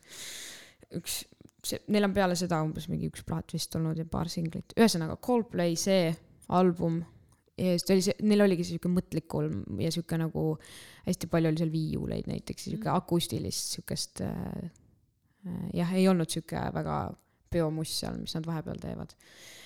ja siis on mingid sooloartistid, Sara Perel-, Perellis, kelle, kes on nii hea laulja lihtsalt ja nii hea laulukirjutaja. Mulle täiega meeldib Sarah Bareilsi see äh, sõnade seadmiskunst, nagu ma ei tea, kes Mhm. talle sõnu kirjutab, kui ta neid ise kirjutab, ta on kirjutab geniaalne nagu selles Jah. suhtes. sest kui sa kuulad neid laulutekste, vot see emotsioon, mis ta sinna taha paneb nagu minu arust alati nagu Geniaalne. noh. ta on geniaalne lihtsalt. see, kuidas suudab lihtsalt klaveri ja vokaaliga Jaa. tänapäeva muusikas kirjutada popmuusikat niimoodi, et see mõjub nii värskena nagu. Et no jällegi ma ei saa öelda, et kõik tema lood on nagu puhas kuld, aga seal on ikkagi liiga palju neid väga-väga häid lugusid, mis on li liiga palju natukene ühe artisti jaoks. et äh, tema on tõesti jah, geniaalne minu jaoks, et lihtsalt klaveri ja vokaaliga teha nii head. ja tihtipeale ongi see, et tal, tema lood ka ju, ta on ka ilmselt mingi suure management'i andnud, et tema lood, produkt, produktsioon, mis sinna juurde tuleb, tihtipeale minu jaoks nagu sööb seda lugu ära Mhm. et siis ma kuulan neid mingi akustilisi versioone, kus on ainult tema ja klaver, siis ma olen jess, okei okay., see on see õige Saara nagu. ja see on ka vaata autentsem kui see nii-öelda üleprodutseeritud äh, asi. jah, aga paranda mind, kui ma sain valesti aru, aga sina oled ka protsent. ma ei nimetaks ennast produtsendiks okay.. ei, ma ei nimetaks kuidas. sa nimetad seda tööd, mis sa teed seal äh, no ma stuudios? pigem laulukirjutaja, aga stuudios, stuudios ma hetkel töötan nagu, nagu töölisena, ma olen nagu salvestaja. ahaa, okei okay.. koduleheküljel meil on küll midagi muud kirjas. no ma olen teinud igasuguseid asju siukseid projekti korras, aga Mhm. ähm, ma ei, kindlasti produtsendina see on nagu, ma tean mingeid asju mm -hmm. ja ma oskan mingi, mingi ütleme natuke suvalise loo ära teha küll. Sorry, aga lõika see välja. kindlasti ei lõika. ühesõnaga, aga mm, produktsiooni puhul lihtsalt seal sa pead nii kogu aeg kursis olema mingite uute asjadega nagu. ja ma ei, ma ei, mul ei ole piisavalt kirge selle vastu, et ennast kogu aeg update ida jälle, mis on tänapäeva mood või kuidas on kõige ägedam teha mingit heliefekti sinna nii-öelda. Nii et sa jääd pigem ise nagu siis selle osa peale, kes kirjutab muusikat. jah, kui rääkida laulu kirjutamist, siis pigem mulle meeldib see meloodia, harmoonia, sihuke basic'u mõtlemine, kuigi sõnade kirjutamises ma olen jube halb. ma tahaks paremaks saada, ma olen nüüd järjest julgem, et ma vähemalt julgen nad kirja panna. aga ma pean jah, natuke sellega peaks tegelema. ma oleks kohe küsinudki siia otsa klassikalise küsimuse, et kumb tuleb ennem, kas sõnad või meloodia. meloodia. Mul tulevad alati sõnad enne nagu, äkki me peaks kolm äkki me peaks kollab tegema, jaa.? palun. sult muusika, mult sõnad, jumala hea, sest äh, ma mäletan, kui me bändi tegime, siis oligi alati nii, mul oli nagu mega äge sünergia oma nende nagu pillimeestega mm. -hmm. ja, ja lood sündisidki puhtalt läbi selle, et nemad hakkasid kuskilt otsast asja ajama, vaata, ja siis mina sain tulla sinna mõelda selle meloodia ja nagu sõnad kohe peale, et ma olen väga hea improviseerija on the spot, kui vaja on, super. aga. Eestikeelseid sõnu oskad ka kirjutada? muidugi. okei, siis ma pärast saadan sulle natukene, et mul oleks vaja. kodutööd või? jaa, mul on nii vähe teha. no Eesti Laul on tulemas, vaata, siin on, oleks vaja üht-teist seada. Need sõnad. okay.. no näed, kohe diilid sünnivad siin yeah. otse-eetris, te kuulsite teda siin. selleks ajaks, kui see välja tuleb, on Eesti Laul juba vist alanud. ja on, on, on. nii et ma võin siis väikse selle vahepõike. seitsmeteistkümnendaks oktoobriks on vaja see laul valmis saada, no siis siis siin Jah. loetud päevad. ainult. jah, oh, ühesõnaga, sul tuleb meloodia siis enne, kust sul tuleb see meloodia? kuidas sünnib laul? ma arvan, arvan, lihtne oleks öelda, ah, see lihtsalt tuleb minuni. nagu ükskord, ma räägin siia ühe lihtsalt loo vahele.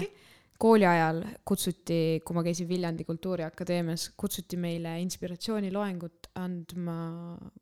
ütlen ette ära, ma austan teda väga muusikuna. ja inimesena ma lihtsalt ei tunne teda, aga ta kutsuti meile rääkima Liisi Koikson, suurepärane laulja. absoluutselt. ja siis oligi, see lihtsalt tegemist oli inspiratsiooniloenguga. Ma läksin sinna, ma olin mingi jess, mul oli vihik, mul oli märk, pliiats, ma olen nii valmis inspu-, inspireeruma. ja siis äh, põhimõtteliselt tuli minu kursaõde, küsis, et jah, aga et kust sa saad inspiratsiooni näiteks, täpselt sama küsimus nagu meloodiate jaoks. siis Liisi, Liisi ütles, et ma ei tea, see lihtsalt tuleb minuni. kõik. ja siis oli umbes, et tagasõnade jaoks, ma ei tea, need ka kuidagi nagu tulevad minuni. et siis ma üritan nüüd nagu lihtsalt, et, et mitte öelda, et see lihtsalt tuleb minuni. mitte Liisi Koiksonlikult. jah, sest et ta tõesti on ka lapsstaar ja, ja võib-olla ta ei olegi seda enda jaoks niimoodi lahti mõtestanud, et kust tema jaoks tulevad meloodiad. ma arvan, et minu jaoks tulevad meloodiad äh, mingist muusikast, mis ma olen äsja kuulanud ja mis on mulle väga meeldinud. Äh, et siis mingid lood, mis on mind, mind inspireerinud, mitte et ma ei võta sealt nagu otse maha, aga mingid sarnased need äh, tekivad, sarnased jooned tekivad, seda võib küll nagu panna tähele. et muusikast, Siis- mida ma kuulan. siis võib-olla ongi hea, et sa ei kuula neid ühte albumit korraga. sellepärast, et mina panin tähele, et kui me kuulasime albumeid korraga mm. -hmm. Et minu muusika hakkas koheselt kõlama samamoodi nagu viimane album, mis ma kuulanud olin. jep. et minu arust see on oht nagu eriti just nagu helitundlike inimeste puhul on ju, et selles mõttes helitundlik, et et äh, loominguline inimene sünteesib sellest materjalist, mida ta juba teab. Kui sa oled seda just nagu söönud nii-öelda onju, siis sellest materjalist see tuleb ilmselt ka. tuleb midagi sealt. et selles mõttes see on väga loogiline. Okei okay., on siis midagi sellist ka, kus sa ise oled tähele pannud, et sa oled nagu mingi total nagu rip-off'i teinud? ja, ja, olen küll teinud. tahad sa mõne ja välja ka tuua või? ei ta, ma ei ole nii palju lugusid nagu välja, need on need sahtlilood, aga paljud on sellepärast ka sahtlisse jäänud, sest need lihtsalt meenutavad liiga tugevalt umbes kolme lugu mm. -hmm. nagu ühes loos on kolm lugu koos, mingisugused väiksed käigukesed, võib-olla tegelikult keegi ei paneks kokku, no aga mina kuulen neid. kas see ei ole üldse mitte nii nagu ükskõik millega, vaata näiteks äh, vahepeal tehakse palju nalja nagu sellega üle, et nagu, et inimesed laulavad aastaid mingeid laulusõnu ja siis tuleb välja, et midagi muud on seal onju. et kas see tegelikult ei ole seesama, vaata, et, et kui sa oled selle korra juba kuulnud, siis sa ei saa seda enam mitte kuulda. jah, ma Jaa. arvan küll jah. noh, et sinu puhul on see nagu loogiline, sest sa tead, kust see tuli onju enam-vähem ja Jaa. juba paned kokku kaks ja kaks, aga tavainimene võib-olla ei pruugi kunagi tähelegi panna, et selline mingi käik seal sees on. jah. No siis ongi see, et oh, siis ma mõtlengi, et siis peakski ju neid lugusid nagu välja andma vaata, et noh, jah, mis sa peidad neid seal sahtlis? kas sahtlisse keegi kuulama ei tule, mis sul on, tolmurullid lihtsalt kuulavad seal rõõmsalt. sa oled lihtsalt nagu, sa oled nagu kuidagi mingisugused kanalid avanud täna, ma ei ole kunagi mõelnud nii. aga siis on kõige parem hetk küsida seda kõige paremat küsimust, et mis on loovus? ja kanalid läksid kinni. Ma tean, et siin No, kuskil on ma tahaks olemas öelda lihtsalt midagi, ma tahaks öelda midagi head, aga ütle midagi, mis lihtsalt tuleb kuskilt. vot loovus ongi see, et see on miski, mis kuskilt tuleb. see on see, see on see leek, mis sinust tekib iseenesest. Kandev paus peab alati olema nagu, kuule. jah, sest et see on see esimene, loovus ongi see, tegelikult see on see esimene väike säde, kui see, see idee tuleb. ja see kõige toorem versioon sellest ideest on ju, siis sa hakkad seda sünteesima ja siis kas sa paned puid alla ja see läheb suuremaks, see leek. või siis tuleb mingi vend kruusiga, viskab vett peale on ju, et see ei ole mingi hea idee. Neid vendi, kes kruusiga tulevad, on vist päris palju või? jah, ah jah, jah. sellepärast peab valima väga hästi, kellele sa oma esimest ideed esitled või oma seda, mis on nii-öelda sinu seest tulnud. et, et ta ei oleks esimese asjana kohe kriitiline, et äh, see on oluline ja muidu see, muidu see sädek ei tahagi enam tekkida, ma arvan. üks hetk. Kas sa arvad, et on sul elus selliseid hetki ka ette tulnud, kus sa oled mõelnud nagu, et ah, üldse nagu enam midagi ei tule? jaa, sest et kui sa esitled kellelegi mingid äh, korduvalt mingit a la ideed, onju, mis ei, see ei pruugigi, alati, see ei saagi olla kuld, mis tuleb. see uitmõte jaanipäeval, noh. uitmõte noh, ja, ja kui see kogu aeg pidevalt seda leeki kustutatakse, siis, siis võib tekkida kaks versiooni, kas on siis see, et see leek ikkagi tekib, aga sa lihtsalt ei räägi seda enam teatud inimestele, sest et see, see on nagu tervislikum versioon, kuidas läheneda Jah., et lihtsalt vali õige inimene, kellele rääkida oma ideid ja oma asju. või siis teise, teine versioon on see, et see leek lihtsalt ei teki enam. ja siis sa lihtsalt kuigi ma tahaks arvata, et kui sinus on kunagi mingi leek või säde tekkinud, mingi loovuse hint, siis no ma arvan, et see on ka mingi asi, mis tuleb sinuga sündides kaasa. et ega sa seda lõpuni ei varja. Ise tead seda kõige paremini muidugi. sa võid seda maha suruda, sa võid seda lõpuni maha suruda. näiteks, no ma ei tea, kui palju see, no ikkagi on loovusega seotud Instagrami, ma suht palju jagan oma elu Instagramis ikkagi keskmisest rohkem, võiks öelda.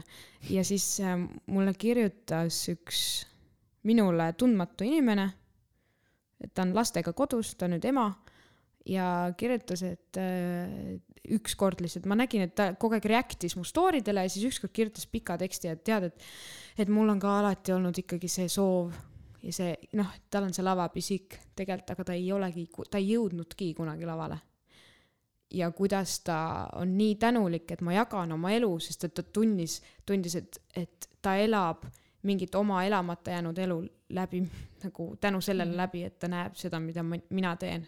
Et ta ütles, ta on lihtsalt nii tänulik ja et jaga veel ja tee veel rohkem mingeid asju, et ta on nii, ta on nii nagu triggered sellest. isegi heas mõttes trigger, Jah. isegi halvas mõttes. ja siis ma nagu kohe olin ka mingi, mõtlesin, oh, oh, oh, kuule, aga et noh, lapsed küll praegu, aga mingi hetk nad saavad suureks, et, et see rong ei ole kunagi läinud, ma tahaks arvata. et ära kindlasti pane ennast kuskile kasti, et nüüd on liiga hilja ja et mis ma enam nüüd, kuna siis veel. minu arust inimesed liiga kergekäeliselt, et saadavad oma need unistused sinna surnuaeda. jah, et tegelikult ei ole üldse vaja arvestades seda, kui pikk on eluiga tänapäeval on ju, siis äh, noh, keskmine inimene elab kuuskümmend, seitsekümmend aastat vana nagu kahekümne viie aastaselt su elu ei ole veel läbi, nüüd üks kolmandik või neljandik isegi vaata, et ta on Jah. alles läbi saamas Jah. ja sa jõuad ennast elu jooksul kordi ja kordi uuesti nii-öelda ümber mõelda, kes sa oled, mis sa oled, kuidas Jah. sa oled. Et muidugi on ka see, et sa teed plaane onju, jumal naerab pilve peal umbes mingi, et mis sa arvasid, et sa hakkad midagi ägedat tegema, ei. nüüd sa teed hoopis seda onju, et eh, näiteks siis hakkad pere looma onju, mida Mhm. iganes, aga see ei tähenda jah, et kuidagi aru saada sellest, et see on lihtsalt väike kõrvalepõige, aga unistus jääb, vaata. Et selles mõttes kaua sa ikka põikled selle eest, üks hetk tuleb sellega tegeleda lihtsalt. sa ei saa, ma tahaks öelda kõigile, et ei saa ennem hauda minna, enne kui sa mingil määral oled mingi sammu kuhugi poole teinud. ja, ja tegelikult minu arust naljakas see, sa räägid nagu sellist ja mul on jälle nagu mingi flashback lihtsalt, lasen oma elu nagu silme eest läbi onju, mõtlen mm,. -hmm. Olin väike kaisa onju, Mm, tahtsin hullult muusikat teha ja tahtsin hullult nagu joonistada onju mm, -hmm. nagu kaks mingit suurt kirge, noh ja siis ma mõtlesingi nagu läks, üks läks selle nahka onju, et noh, lavanärv ei pidanud vastu onju ja teine mm -hmm. oli see, et noh, et äh, kunstiga niikuinii raha ei teeni onju ja noh, siis mis siis üle jäi, oli siis see ratsionaalne onju ja noh, here we are now on ju, tegelikkuses läks niimoodi, et kahekümne viie aastaseks saades oli mul juba olemas see oma bänd on ju ja ma olin tagasi lavale jõudnud, ma olin sinna jõudnud läbi mingi aastaid tehnoloogiasektoris hullult töötades nagu mingi IT-tšikiks ennast nagu möllates onju. Jah, ähm,. lavanärv tuli tagasi läbi selle, et laulsid karaoket laeva peal, oli see, et tegid nagu, ma olin koolitaja aastaid onju. Mm, -hmm. et sa iga päev tegelikult sa treenisid seda lavanärvi, lihtsalt ma ei pannud seda alguses kaks ja kaks kokku onju. Mhm. ja kunstnikuna ma leidsin ennast üldse alles mingi neli aastat tagasi Iirimaal mm. -hmm. see oli nagu jälle see eluunistus, tahan olla kunstnik mm. -hmm. aga kui kaugele ma jõudsin Eestis, ei jõudnud nagu.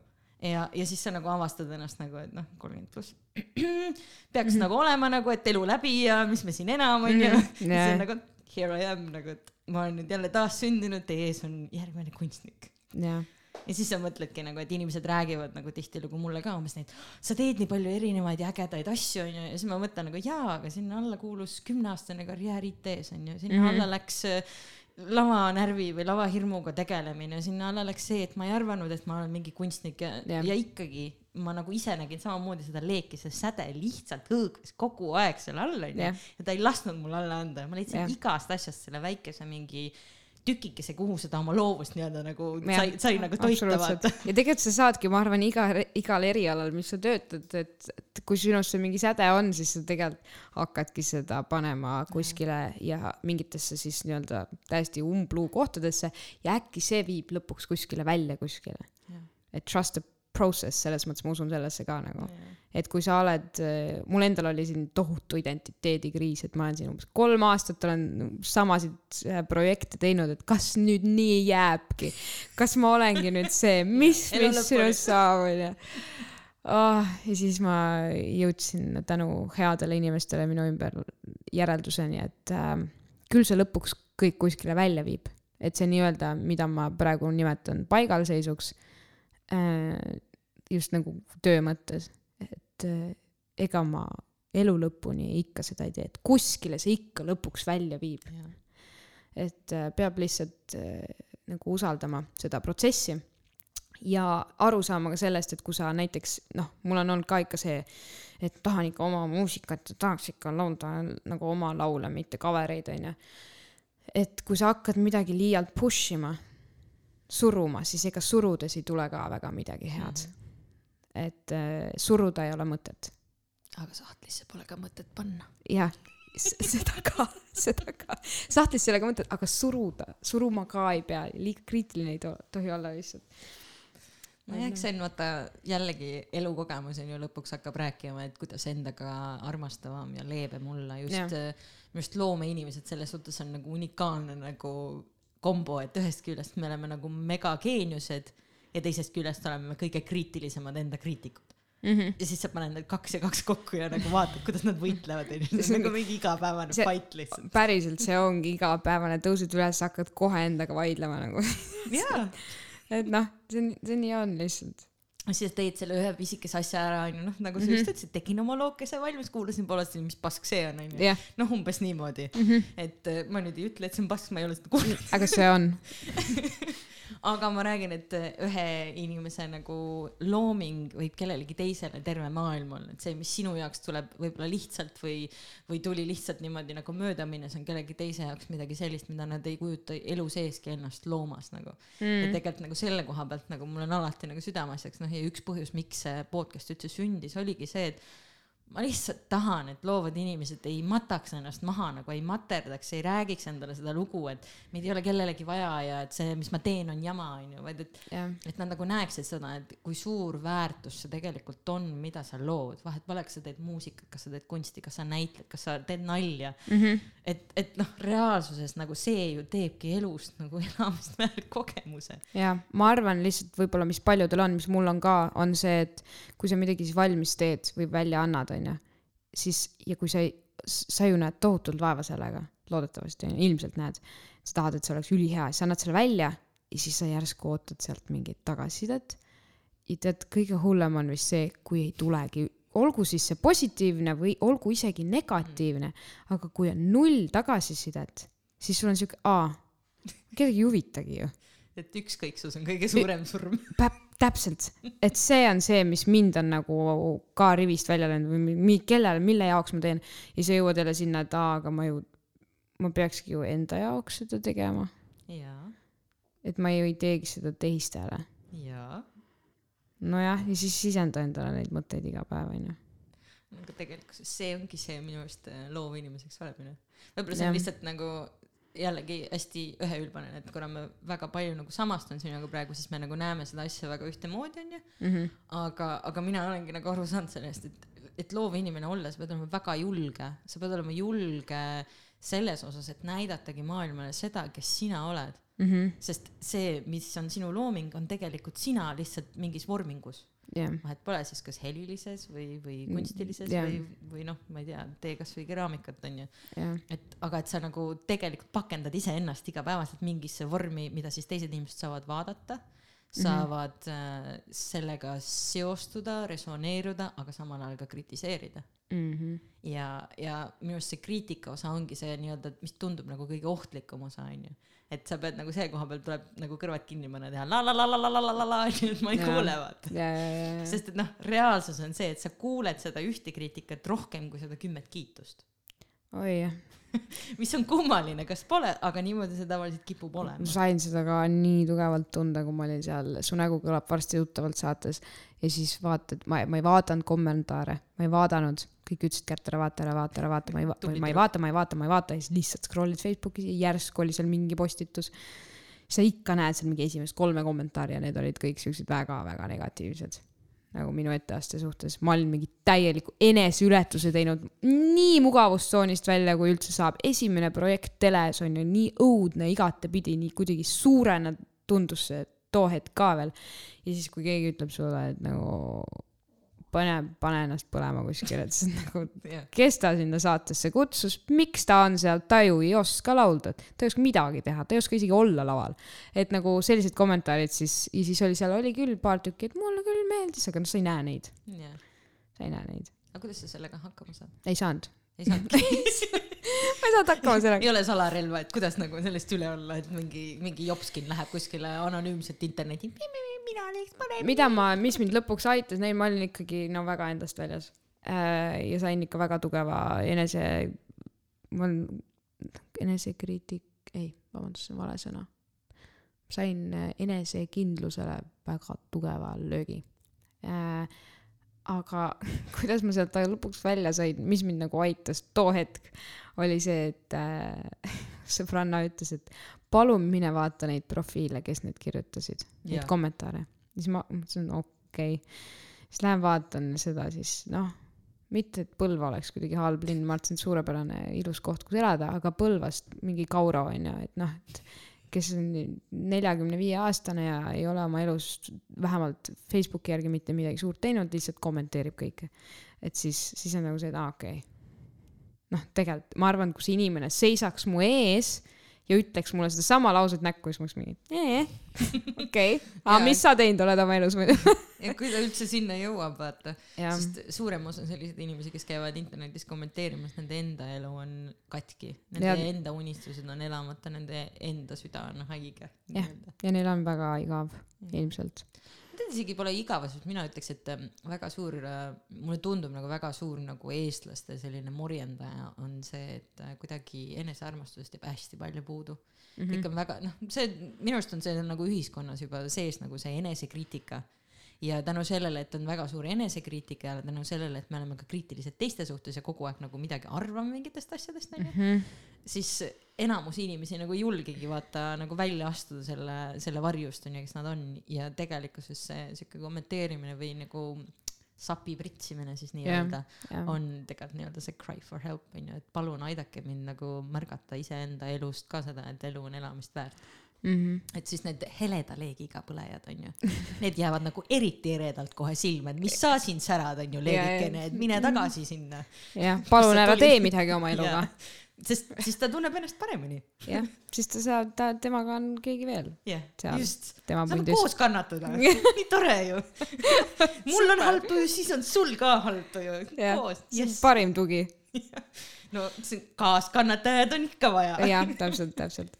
et selles suhtes see on jah, selle koha pealt kuidagi, aga seda on raske mõelda sellel hetkel, kui sa oled selle oma ilusa asja nagu välja pannud ja siis nagu äkitselt keegi arvab, et ta nagu, tal on õigus nagu midagi öelda. Õigus on, aga, aga tihtilugu tekib küsimus, et miks.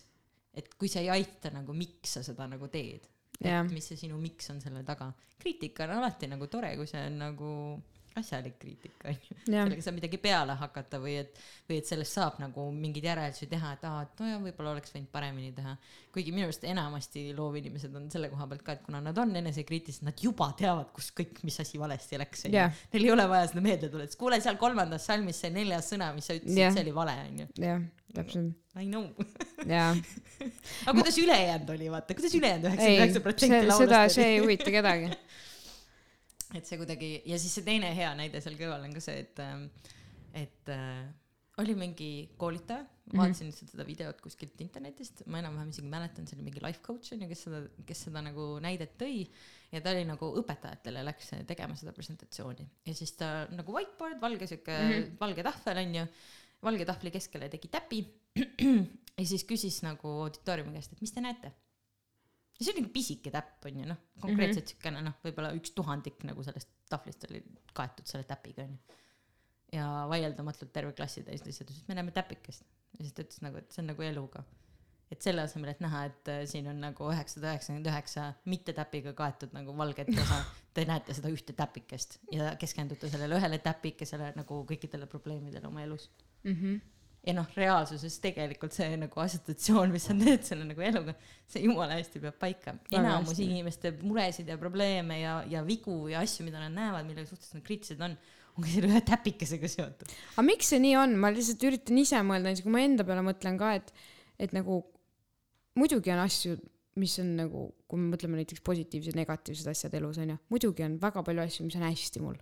mul on käed-jalad otsas onju, tervis on enam-vähem okk, mingeid asju olen ju teinud, aga miks, miks ma nende peale kuidagi ei rõhu või neid, nende peale niimoodi ei mõtle ka, võib-olla ma lihtsalt üritan nagu analüüsida, et kas see on sellepärast, et see nii-öelda enesekiitmine mõjub nagu kuidagi, ma ei tea, ta on nagu upitavad. upitavalt jah. Ja seda ka on nagu justkui inimestele ei meeldi kuulata, vaata. mõtle, kui ma oleks istunud siia täna maha, jaa, ma olen üks suur muusikalistaar, ma olen teinud seda ja seda ja seda, et nagu, kas see oleks ka nagu mingi tore asi, mida kuulata või? et noh, et see, et see, kui niipidi mõelda seda, et miks me ei näe seda valget ala selle musta aga meid ongi punkti. õpetatud vaatama seda musta täpikest. Sest eh, kui sa mõtled selle peale, et sa käid koolis onju, sulle näidatakse, kus sa tegid vea eksamil. siin ei räägita seda, et issand, kui tore, sa tegid üheksakümmend protsenti oma eksamist nagu nii hästi. see on õige vastus. need võrrandid tulevad sul mega hästi välja nagu, et selle asemel räägitakse sulle, kuule, see kümnes ülesanne siin, sa tegid nagu vea, onju. et sind tegelikult ju programmeeritakse juba suhteliselt noorest peale nägema, mis on valesti, mitte seda, mida on õigesti. jah, et töötama asjade kallal, mis on valesti. just, või milles sa oled nõrk või mis ei tule sul nii hästi välja. mõtle, kui sa oleks algusest peale näiteks ah,, sul kindlasti on mingi asi, mis tuli koolis nagu suht kohe, sa said aru sellest. a la Pythagorase, Pythagorase, teoreem, Pythagorase, Pythagorase. Pythagorase. ma ütlesin õigesti või? jaa, enam-vähem. teoreem, mõtle, kui sa oled, said sellest kohe aru, sa olid ideaalne, kõik võrrandid teen sellega ära. et kui sa oleks ainult sellele keskendunud, sellele heale nii-öelda, sellele, millest tugev oled, kus sa oleks jõudnud? täpselt, võib-olla ma oleks matemaatik praegu. jah, ja samal ajal ei teaks ajaloost mitte midagi. aga ma ei tunneks sellest puudust ka. täpselt, sest sul on, sul on terve maailm, mis on Pythagorast täis, onju. ei no jaa, või noh, kui vaja on, siis ma lähen guugeldan, onju.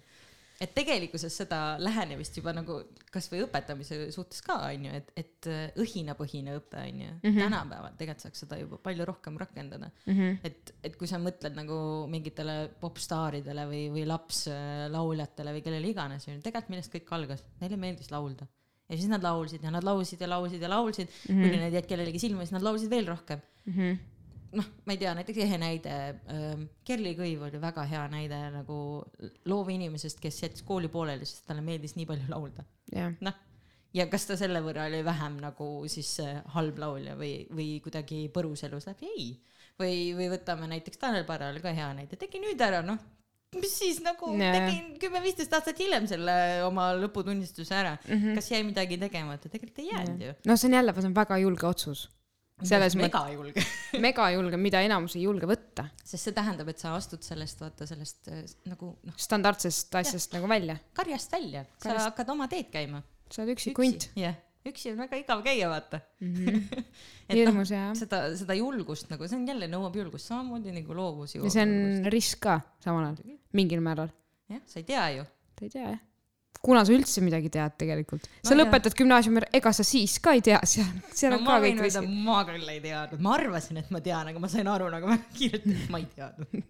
ma ei tea, siiamaani ei tea, mida ma teen. Kas sa, sa läksid on ju ülikooli, kas sa läksid Jaa. kohe peale Keskat ülikooli? jaa, Viljandisse läksin jah. nii, ja siis sa teadsid, et see on see, mida sa õppida tahad? mida sa õppisid seal?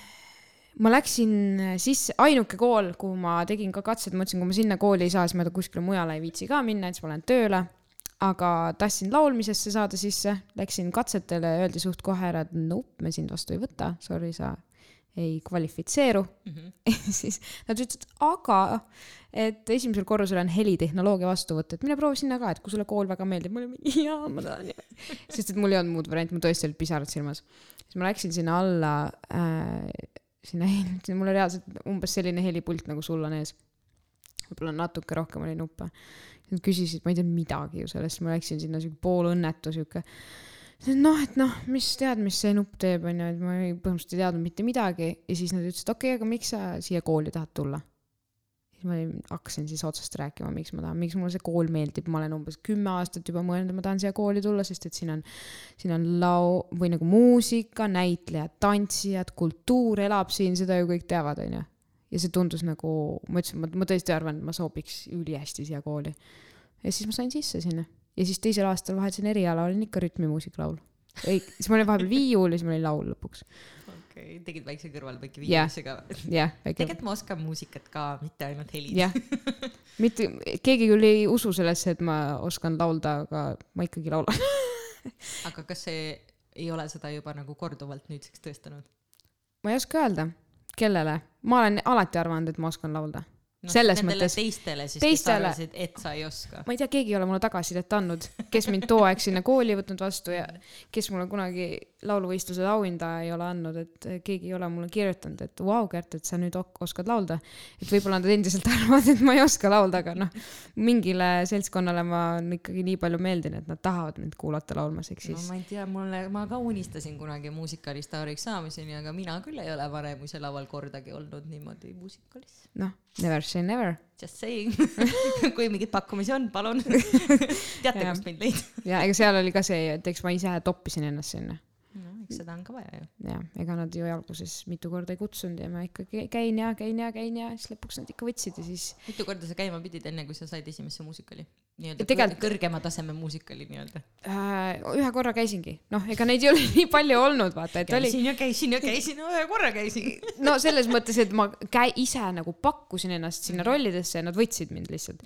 ja siis mingist hetkest a la mingi eelmise projektiga oligi esimest korda elus see, kus mind kutsuti castingule, et ma ei pidanud enam seda, seda ankeeti saatma, vaata, et enne seda oli ikka saadad ankeedi, lähed ette laulmisele, nii ette laulmisele lähed niikuinii mm. -hmm. et aga, et see oli esimest korda, kus ma sain aru, et aa ah, okei okay,, mind kutsuti, okei okay., ju siis, ju siis on nagu niimoodi nüüd siis. et Nüüd ma olen vist- nii palju ennast ikkagi tõestanud neile, et, et nad nagu usaldavad mind, aga eks see on ka, mida Kaarel, meie üks ühine tuttav on öelnud, et Kaarel. Kaarel- milline Kaarel meil on, mis ta perekonnanimi on? Orumägi, Orumägi Orumägi, Kaarel, mis tema on öelnud mulle ka hästi mitu korda, on see, et äh, tööeetika ja see, kuidas, kui ma läksingi Vanemuisesse, ma olin, noh, ma olin haavaleht, ma lihtsalt vaatasin kõigile niimoodi alt üles ja üritasin kuidagi hästi nagu tubli olla kogu aeg ja ma olingi jube ettevalmistatud, sest see oligi minu unistus, kus ma nüüd olin, ma elasin oma unistust, onju, mõtlesin, okei okay,, noh, päriselt selle teed ja aga mis Kaarel on ka öelnud, et tööeetika on mul nagu hea, et kui ma päriselt, kui mulle nagu midagi meeldib väga, siis ma noh, sada prossa. uni ei ole oluline, söök ei ole oluline, lihtsalt mul on vaja teha seda nüüd, et ma nagu lähen niimoodi põlema ikka mingitest asjadest. räägi natukene sellest äh, Kaarliga koostööst ka, kuidas sa jõudsid äh, Kaarli juurde? Kaarel. Kaarel siis teeb, kuidas see on, Eesti Noorte Muusikaliteater? jah, Türil ajab sellist asja. Türil jah, see on noortele mõeldud, mis noored me seal enam oleme. kui me sinna kõik läksime, siis me olime viisteist kõik, mina olin kaheksateist ja nüüd me oleme kõik kakskümmend kolm pluss. et mingi seltskond noori inimesi, kes said õigel ajal Türil kokku ja siis ühe entusiasti äh, eestvedamisel. Ta on muidugi, Kaarel on ka nagu püsti andekas inimene absoluutselt olen nõus sada protsenti. minu arust on kakskümmend viis, jah, ta on minust aasta noorem. ta kirjutab mingi kümme või kaksteist muusikali, millest umbes siis viis on jõudnud lavale, aga teised on ka valmis, ootavad oma aega lihtsalt, et noh, sellel tüübil tuleb ka sulest ikka niimoodi, et noh, hoia ja keela. ma tean juba, kuhu ma kirjutan, nii et ja vot sealt, sealt on ka, sealt on inspiratsiooni ammutada, sest iga kord, kui ma Kaarliga kokku saan kuskil, siis peale seda ma tahan teha asju. mis see on äh, Kaarli puhul, mis sind nagu paneb äh, niimoodi kuidagi põlema? vaata, et Kaarlil ei ole nagu seda hirmu, vähemalt ta näit-, ta ei näita välja, et oleks hirm ebaõnnestumise ees. Mm. tal ja ta on muidugi ka, ta tuleb kriitik, ilmselt ta on võib-olla oma elus saanud ka juba nii palju kriitikat, et nagu see väga ei kõiguta teda. Mm. et ta ongi siin maal, maailma muna peal selle jaoks lihtsalt, et teha oma asja ja sa nagu tunned seda nii tugevalt, et see lihtsalt nagu hakkab külge haarab kaasa. jah, tee oma asja, just see, et nagu mitte see, et ma tahaks teha nüüd tema asju, aga see kuidagi see jõud, mis tal on oma asjade tegemisel, sa näed, kuidas ta on lihtsalt nii sihikindel, teda nagu lihtsalt ei huvita, mida inimesed arvavad. et see lihtsalt on mingi okei okay,, vau, miks ma ei võiks sihuke olla? ma võin ju otsustada, et ma nüüd olen selline, ma ka ei karda enam. Ja siis sa pead temaga lihtsalt mingi mõne aja tagant kogu aeg kokku saama, et laadida ennast väike laks on ju. ei, väike laks Kaarel Oru- Orumäge, et siis saab jälle kaks kuud rahulikult äh, loov olla. aga kas ma lugesin ka õigesti, noh, see väike taustauuring, mis me tegime, ausalt ei tee väga pikalt, nagu mulle üldiselt meeldib ise nagu avastada. aga, aga ma panin tähele, et seal oli ka mingi väike kõrvalepõige sellest, et sa ei olnud lihtsalt näitleja seal muusikaliteatris, vaid sa ühele nendest äh, muusikalidest olid ka helilooja. Jaa.. no nii, räägi sellest. Kaarliga koos kirjutasime selle. kuidas on? Kaarlil, Kaarlil tuli idee lihtsalt, et äh, Kärt, et mul on, tal oli story oli olemas, nagu see nii-öelda siis jutt või mm. -hmm. see lugu oli olemas nii-öelda, mis juht, juhtuma peaks Mhm. ja siis ta tahtis muusikat koos minuga kirjutada, sest meil, noh, meil Kaarliga ongi, vaata, see on, ta on täpselt üks nendest inimestest, kellega lihtsalt tekib mingi puh, plahvatus lihtsalt, siis me mõtlesime, et okei okay,, paneme nüüd meid ühte ruumi nagu ja teeme midagi, millel on eesmärk. et teemegi siia muusika koos. ja see toimis ülihästi. et seal on muidugi Kaarlile puhul on lihtsalt see, et kuna tal on endal hästi selged ideed, et tema, mul on tihtipeale see, et tuleb mingi idee, siis ma veits hakkan seda enda sees ennem analüüsima, kui ma selle mm. nagu välja lasen endast. aga Kaarlil tuleb idee ja siis temaga on ohtlik on lihtsalt see, et tema ideed muutuvad üsna domineerivaks mm. -hmm. aga õnneks ta teab seda ise ka nüüdseks ja selleks hetkeks, kui meie hakkasime koos muusikat tegema, siis ta oligi, et ja et ära siis nagu umbes, ta ütles mulle, et ära siis lase mul nagu üle sõita, vaata enda mm -hmm. ideedest ja siis ma noh, noh, sa peadki hästi avatud olema lihtsalt üksteisega ja ei tohi solvuda, vaata. et kui ma teen mingi liini, siis ta on mingi mm,, ei, see ei ole päris see, mõtle midagi muud, vaata. et ta andis mulle vabaduse mingid lood ka ise teha ja mingid lood olid ainult tema tehtud. leppisime kokku selle ka ja siis mingid lood tegime nagu koos. Mm, see annab nagu piisavat vabadust võtta mõlemale ka olla ise nagu ekspressiivne, Jah. nagu oma tükike iseendast juurde panna, sest Aga kui kõik on koostöö, siis see pole ka päris see. ja, aga see, need lood, mis me koos kirjutasime, olid kõige paremad, päriselt. ühesõnaga toimis see siukene edasi-tagasi palli jah, põrgatamine. jah, jah, et kui leida see inimene, kellega nagu toimib see mõttevahetus õigesti, jah. et see on super, super. hästi raske on leida ilmselt. kuidas kunagi vaata, see oleneb väga palju sellest, millise, milliste inimestega sa nagu ringi käid, et et mul näiteks oli üks ekspeikadest oli selline, kellega ma tulin ühe lasteraamatu idee peale, lihtsalt mm. -hmm. lampi mingist täiesti noh, mingist suvalisest momendist, suvaline nagu hommik, ma ei tea, umbes teki all hakkasime rääkima tekikottidest ja sündis lugu nimega Tekikoti lood mm. -hmm. ja kuna nagu temaga suheldes ongi nii, et tal lihtsalt nagu mõistus nagu plahvatab, ta oskab mõelda nagu laps, vaata, mingi täiega läks kujutlusvõime nagu lendama siis me nagu kuidagi andsime mõlemad teineteisele seda tuld juurde mm. -hmm. samas on mingi osa inimesi nagu, kelle puhul sa võid neile rääkida, kui palju sa tahad ja see lihtsalt nagu siuke tunne nagu viskaks sitta vastu seina. no ja ongi, ja rohkem sealt ei tule. appi üks produtsent, üks produtsent ütles hästi äh,, ütles niimoodi, ma küsisin, kuidas sina produtseerid oma lugusid, et äh, kuidas sa nagu, kuidas sa saad, tal on väga head lood kõik, kirjutab sellist popmuusikat Eesti artistidele, Mhm. Raadiolugusid nii-öelda, et kuidas, aga nagu ikkagi, kui sa produktsiooni kuulad, see on väga hea. siis ta ütles täpselt sama asja, et see on, tead, see on, see on selline protsess, sa lihtsalt viskad sitta vastu seina, kuni ükskord midagi sinna kinni jääb. kuldsed sõnad veel. nii kaua viskad, nii kaua viskad, kuni midagi kinni jääb. no just mõtlen, et toon jälle assotsiatsioone ka, et et sai eelmine saade siin räägitud disainist onju ja siis äh, noh, teistele siis kuulajateks see on siis episood kuus, Helen Raeg. aga sai just räägitud disainist sellest, et kuidas disainerina ka sa nagu saad mingi ülesande onju mm, -hmm. siis sa katsetad, katsetad, sa nagu terve aeg mõtled peas mingeid kombinatsioone asju välja onju ja siis see kõige parem idee tuleb sulle öösel kell kaks, kui sa oled mingi mega väsinud, silm on pahupidi ja umbes nii, et ma proovin ühe korra veel vaata mm. -hmm. ja siis kaboom on see nagu magic moment jep. Et ma just mõtlen, muusikaga on sama vist. ja kuigi nagu need ideed, mis kell kaks öösel tulevad peale seda, kui sa oled kümme tundi juba genereerinud, siis äh, nende suhtes lihtsalt äh, peab, järgmine hommik peab üle kuulama. peab hell olema. peab hell olema jah, sest et alati see, mis kell kaks öösel tuleb, ei ole nagu muusika mõttes just, see ei pruugi olla nagu väga hea, samas ma arvan, et eks see on siuke fifty-fifty, et äh, ilmselt pooltest aegadest see on kuld ja teine pool on lihtsalt mingi vau wow,, ma ei teadnudki, et minu seest midagi nii halba võib tulla.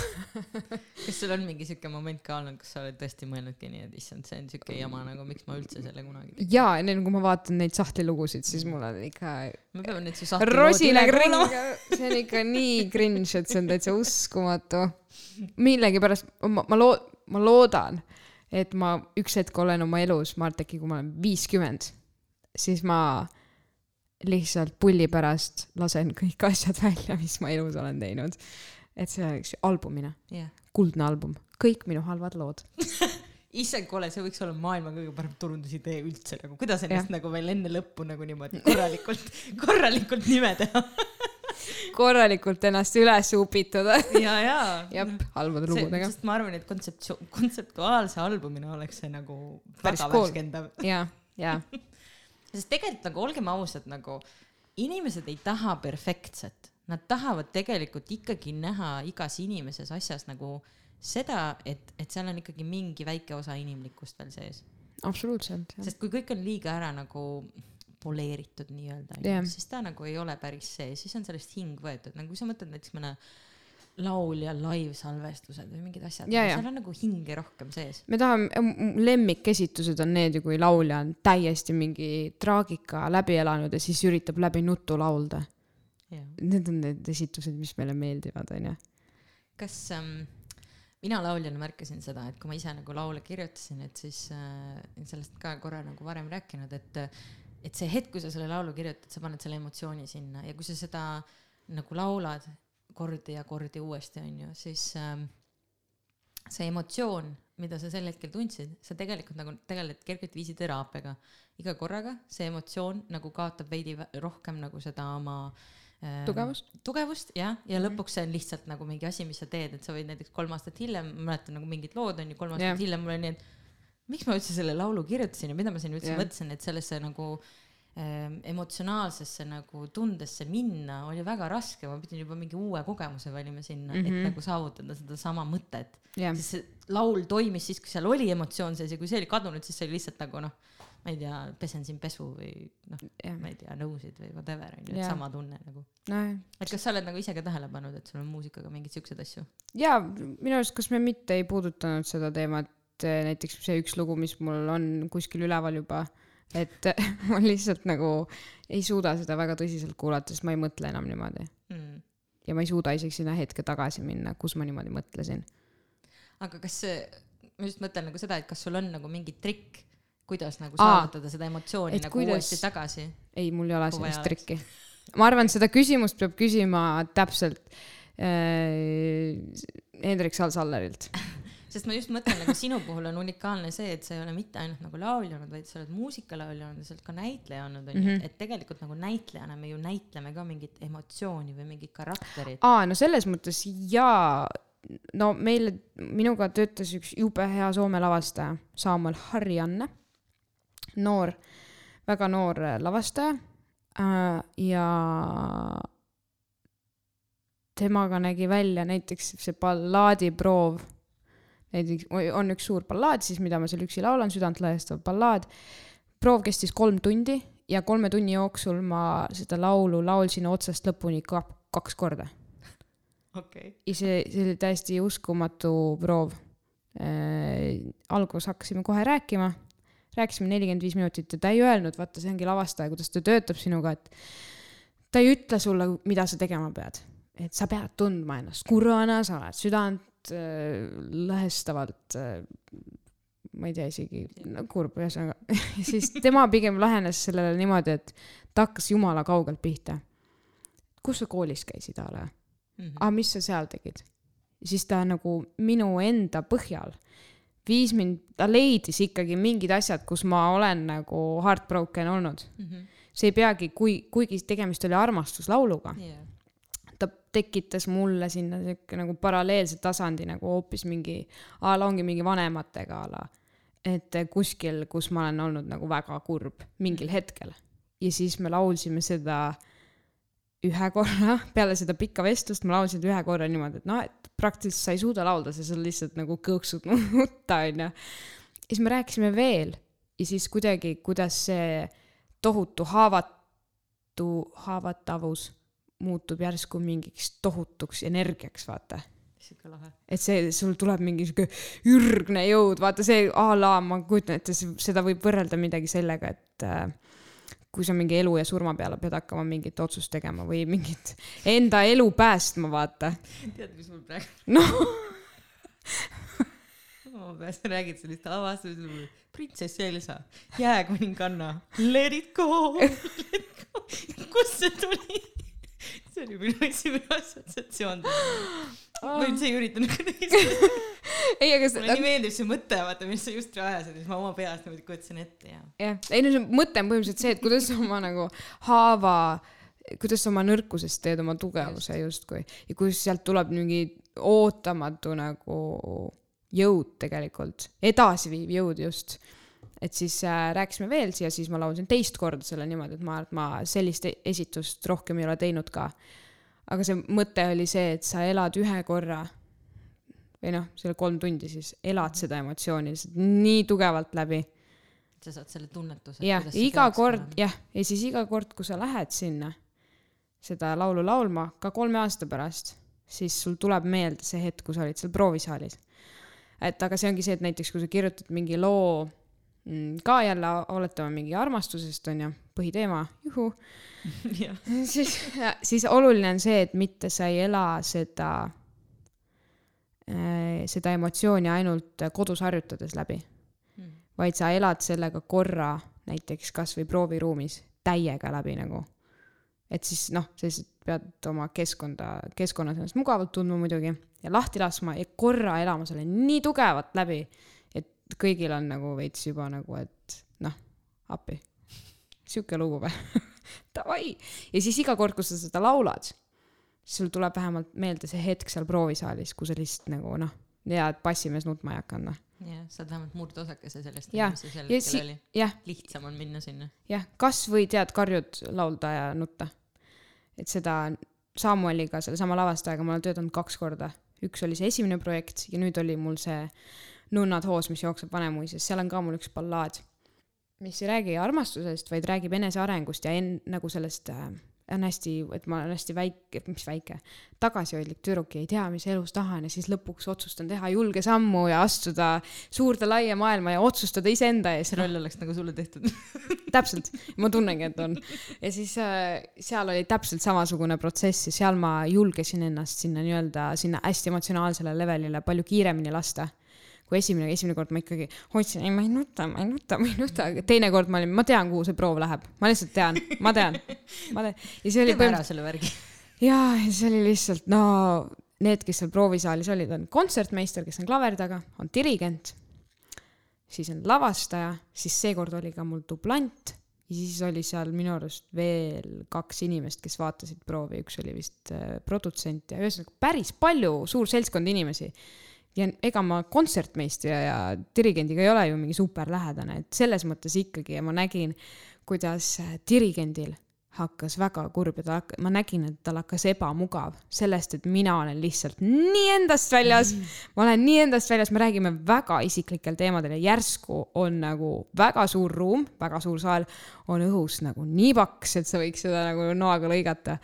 et ma nägin, kuidas teistel hakkas justkui juba ebamu-, ongi juba ebamu-, väga ebamugav et noh, sihuke tunne, et neil on pausi vaja nagu. mul on fine, sest ma tunnen ennast, ma lihtsalt Samueliga töötada, kus töötas sellise inimesega, kes lihtsalt, ta paneb sind niimoodi tundma, et, et emotsioonid on okei okay,, see on lihtsalt puhas emotsioon, see on keemiline reaktsioon su peas, elame need asjad nüüd läbi ja teeme selle kõik läbi. aga lihtsalt, kuidas teised inimesed ruumis on lihtsalt mingi äh,, meil on pausi vaja. aga ma ei tundnud üldse nagu piinlikkust selle pärast või kuidagi, et ma teadsin, et see lihtsalt toob väga head vilja ja ma tunnengi, et ma tegin lõpuks väga hea esituse ka sellest loost et see kõik on äh, vajalik protsess. kas sa oled üks nendest, kes nüüdseks siis usub, et haavatavus on tugevus? ja, ja, ja ma arvan, et see on minu suurim tugevus. on see sul kogu aeg olnud see teadmine? äh,? ei ole. mingi hetkeni ma ikka haletsesin ennast väga pikalt, et miks ikka minuga, kuidas mul ikka nii halvasti on läinud. Mis sul siis nii halvasti läks? no tegelikult ega kui lõpuks niimoodi tagasi, nüüd vaatame tagasi, siis ega ei olnudki midagi liiga hullusti. on ju, kui vaatad kõrvalt teisi inimesi, vot kõigil on hullusti. selle skeemi põhjal umbes ähm,. aga ma ikka haletsesin jah seda, et noh, et vanemad, no isa läks väga noorelt mul ära meie juurest, onju. ja siis äh, ema äh, ka sai mm, haiguse nimega vähk ehk siis see väga nagu karmilt läks ühesõnaga.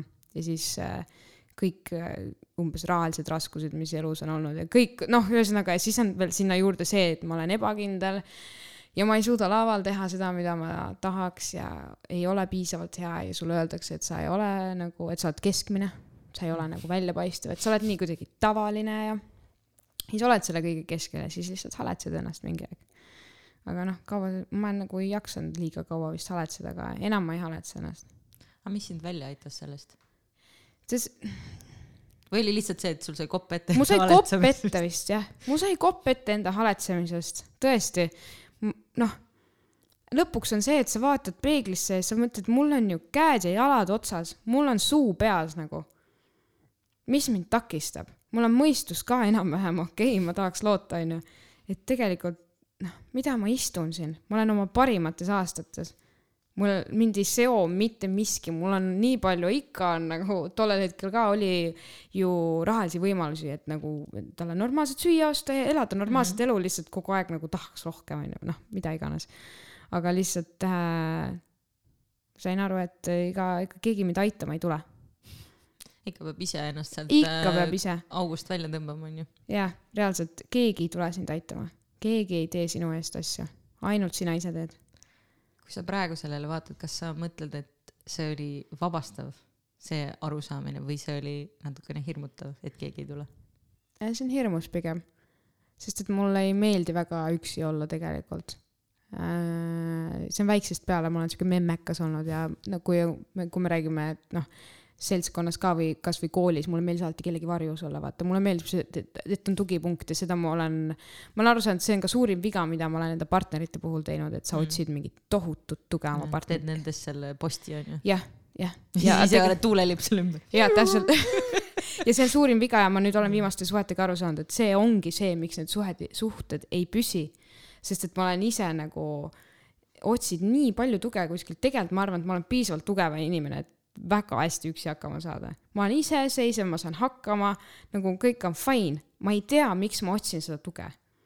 mingi täielik lapsepõlve peegeldus, ma arvan. et äh, ma arvan, et äkki nüüd ma olen seal punktis, et ma nüüd saan üksi hakkama ja, ja kui ma teadvustan seda probleemi ka endale, et ma otsin mingit tuge. jah, no eks ta ühest küljest ongi see, vaata, et see, see on nagu selline see vaade elule tuleb sul läbi kogemuste, see ei ole midagi sellist, mida sa lihtsalt nii, täna mõtlen, et ohohoo, et ma olen nüüd nii iseseisev, onju. et reaalsuses me kõik tegelikult mingitel hetkedel vajame kedagi enda kõrvale, kes meiega koos rõõmustaks, kes mm. -hmm. meid natukene tõstaks, kui meil oleks vaja seda või kes meid ka maa peale alla tooks, onju, et ähm, ma arvan, et minu jaoks näiteks üks nendest momentidest, noh, see must auk ja kõik see, räägin nii tuttav, noh. siuke tunne, et kas me ikka oleme sama nagu liini käinud, lihtsalt nagu veits paralleelmaailmates. ei no ma räägin. täpselt, täpselt see, et me vaatame ainult elu, teiste elu highlights'e, tegelikult ei tea, mis tee neil on olnud.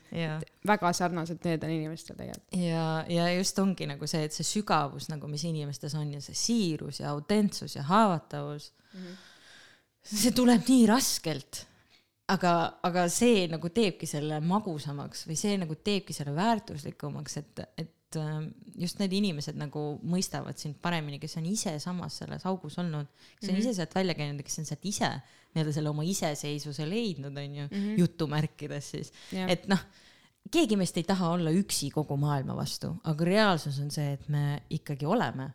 Me ise päeva lõpus peame vaatama endale peeglist otsa, kas mina olen rahul sellega, kes mina olen, kas ma olen rahul sellega, kuhu ma jõudnud olen ja kui ma ei ole rahul, siis ainult mina saan seda muuta, mitte keegi teine.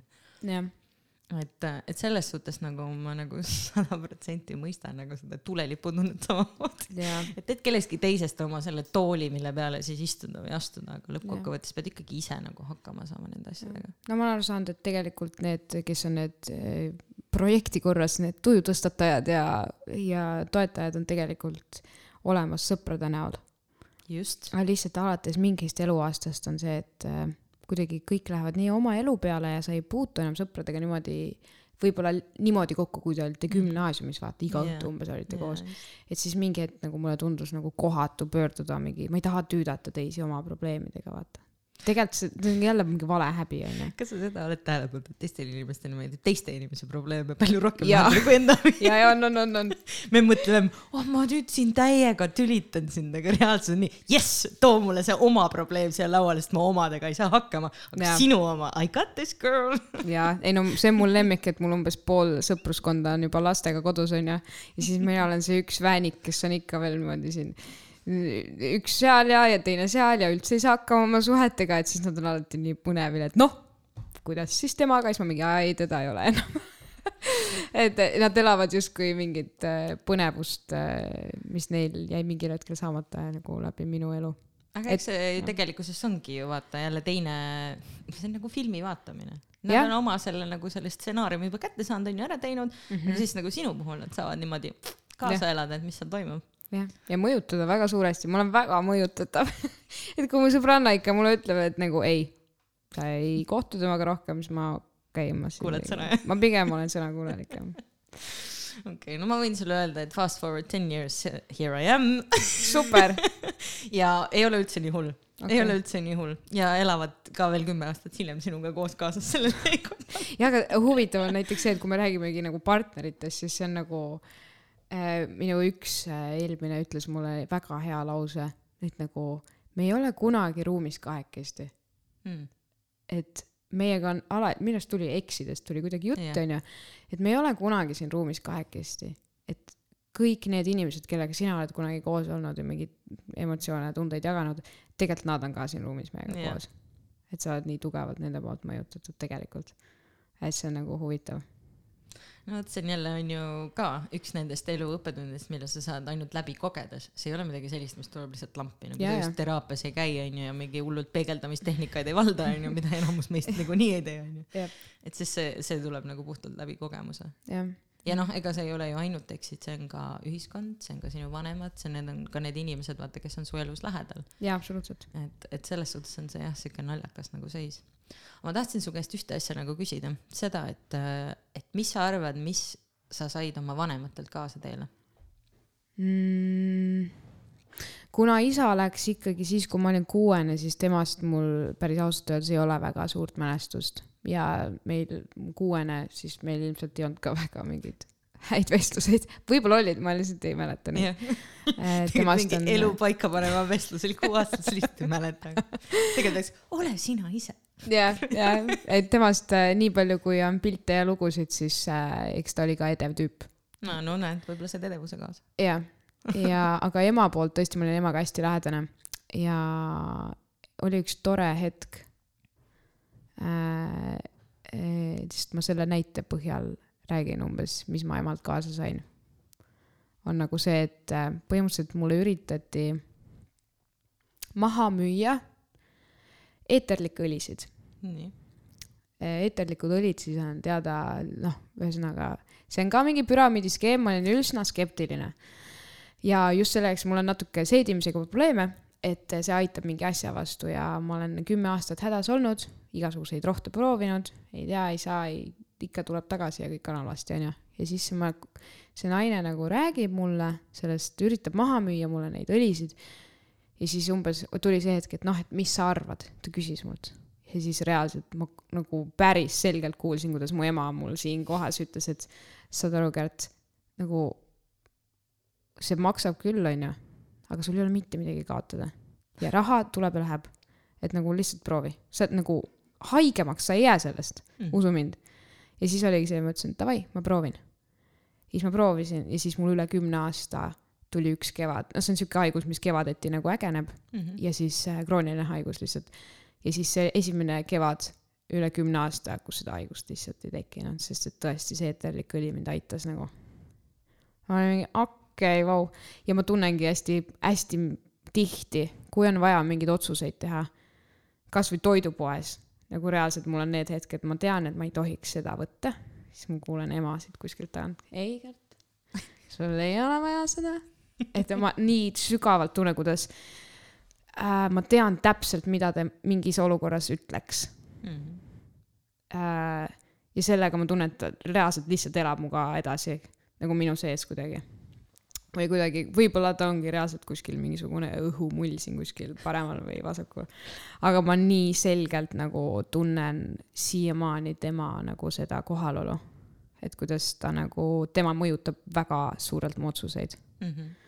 Sest et jah, me, me olime ka väga lähedased nagu ja noh, ma tahaks uskuda, et ta ongi päriselt nagu kuskil siin, aga noh, never know, aga ma jah, ta nagu suunab mind täiega. et sa rääkisid nagu sellest, et, et kuidas su ema on nagu sinuga äh, tihtilugu või sa kuuled nagu tema häält. aga sellest kohe tuleb äh, järgmine küsimus, et kas sul on nagu mingeid teisi eeskujusid ka nagu, kes sulle nõu annavad või kellele sa saad toetuda mingitel hetkedel? Või oled üldse toetanud oma elus peale selle viiuliõpetaja? Uh, minu õde ilmselt, kas sul on palju õdesid, vendi või? üks vend, üks õde, vanemad mõlemad, aga õde on minust niimoodi mõnusalt poolteist aastat vanem.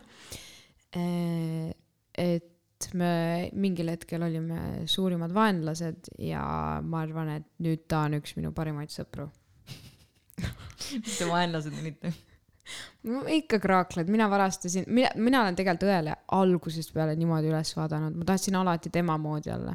ta oli kuidagi sihuke julge sihuke, no sihuke hulljulge ja mina olin sihuke memmekas, ma alati tahtsin tema moodi olla ja ta oli alati nii naljakas, kui meil olid mingid istumised, ta alati rääkis nalju ja siis ma alati mõtlesin, ma tahan olla nii Mari moodi nagu äh,.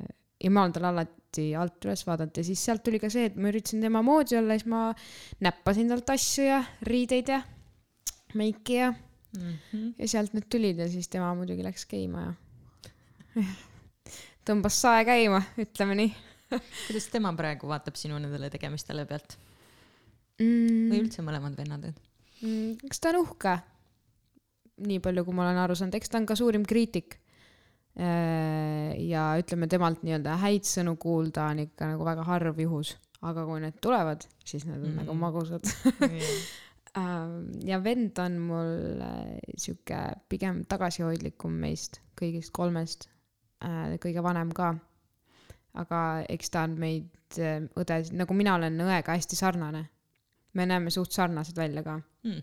ta on ka selline natuke tumedama verega, aga vend on täitsa heledate juuste ja hallide silmadega ahah, ja ta on natuke, aga ta on meid alati nagu väga hoidnud, et selles mõttes äh, äh, lapsepõlv oli nagu keeruline mingis mõttes, aga samal ajal nagu see mingi lähedus oli alati olemas. nagu mäletan ka, et vennaga, vend hästi hoidis mind, noh, sellepärast võib-olla siuke memmekas ka olen ka ikka niimoodi said loa olla lihtsalt. jah, kussutas ja ema hoidis ka mind ikka nagu täitsa nagu lilleõit, et selles mõttes äh, seal on nagu, ma arvan, et see ongi nagu ainukesed inimesed, kes nagu, kel, kes on nii-öelda minu eeskujud kuidagi või. et ma niimoodi väljaspoolt ei oskaks küll, muidugi mingid inimesed inspireerivad, aga kas nagu eeskujuks nimetada neid ei saaks, ma arvan. aga kui me juba läksime korraks äh, tagasi veel sinna lapsepõlve ka, siis äh, teine legendaarne küsimus on see, et mis on sinu esimene mälestus millestki loovast või loomingulisusest? seesama video, kus ma olen kuueaastane. see oli väga okay., väga loov, see on tõesti tore, ma nii, mind nii huvitab, mida ma seal mõtlesin. aga kas sul on midagi, mis on nagu teadlikult ka su peas peale selle kuueaastase video, kus sa juba olid näinud, aga midagi sellist nagu, mida sa ise nagu mäletad niimoodi reaalselt? ma mäletan küll, ma mäletan, see oli nüüd põhikoolis juba vist, esim-, mingi viies-kuues klass äkki, kui tahtsime sõbrannaga bändi teha.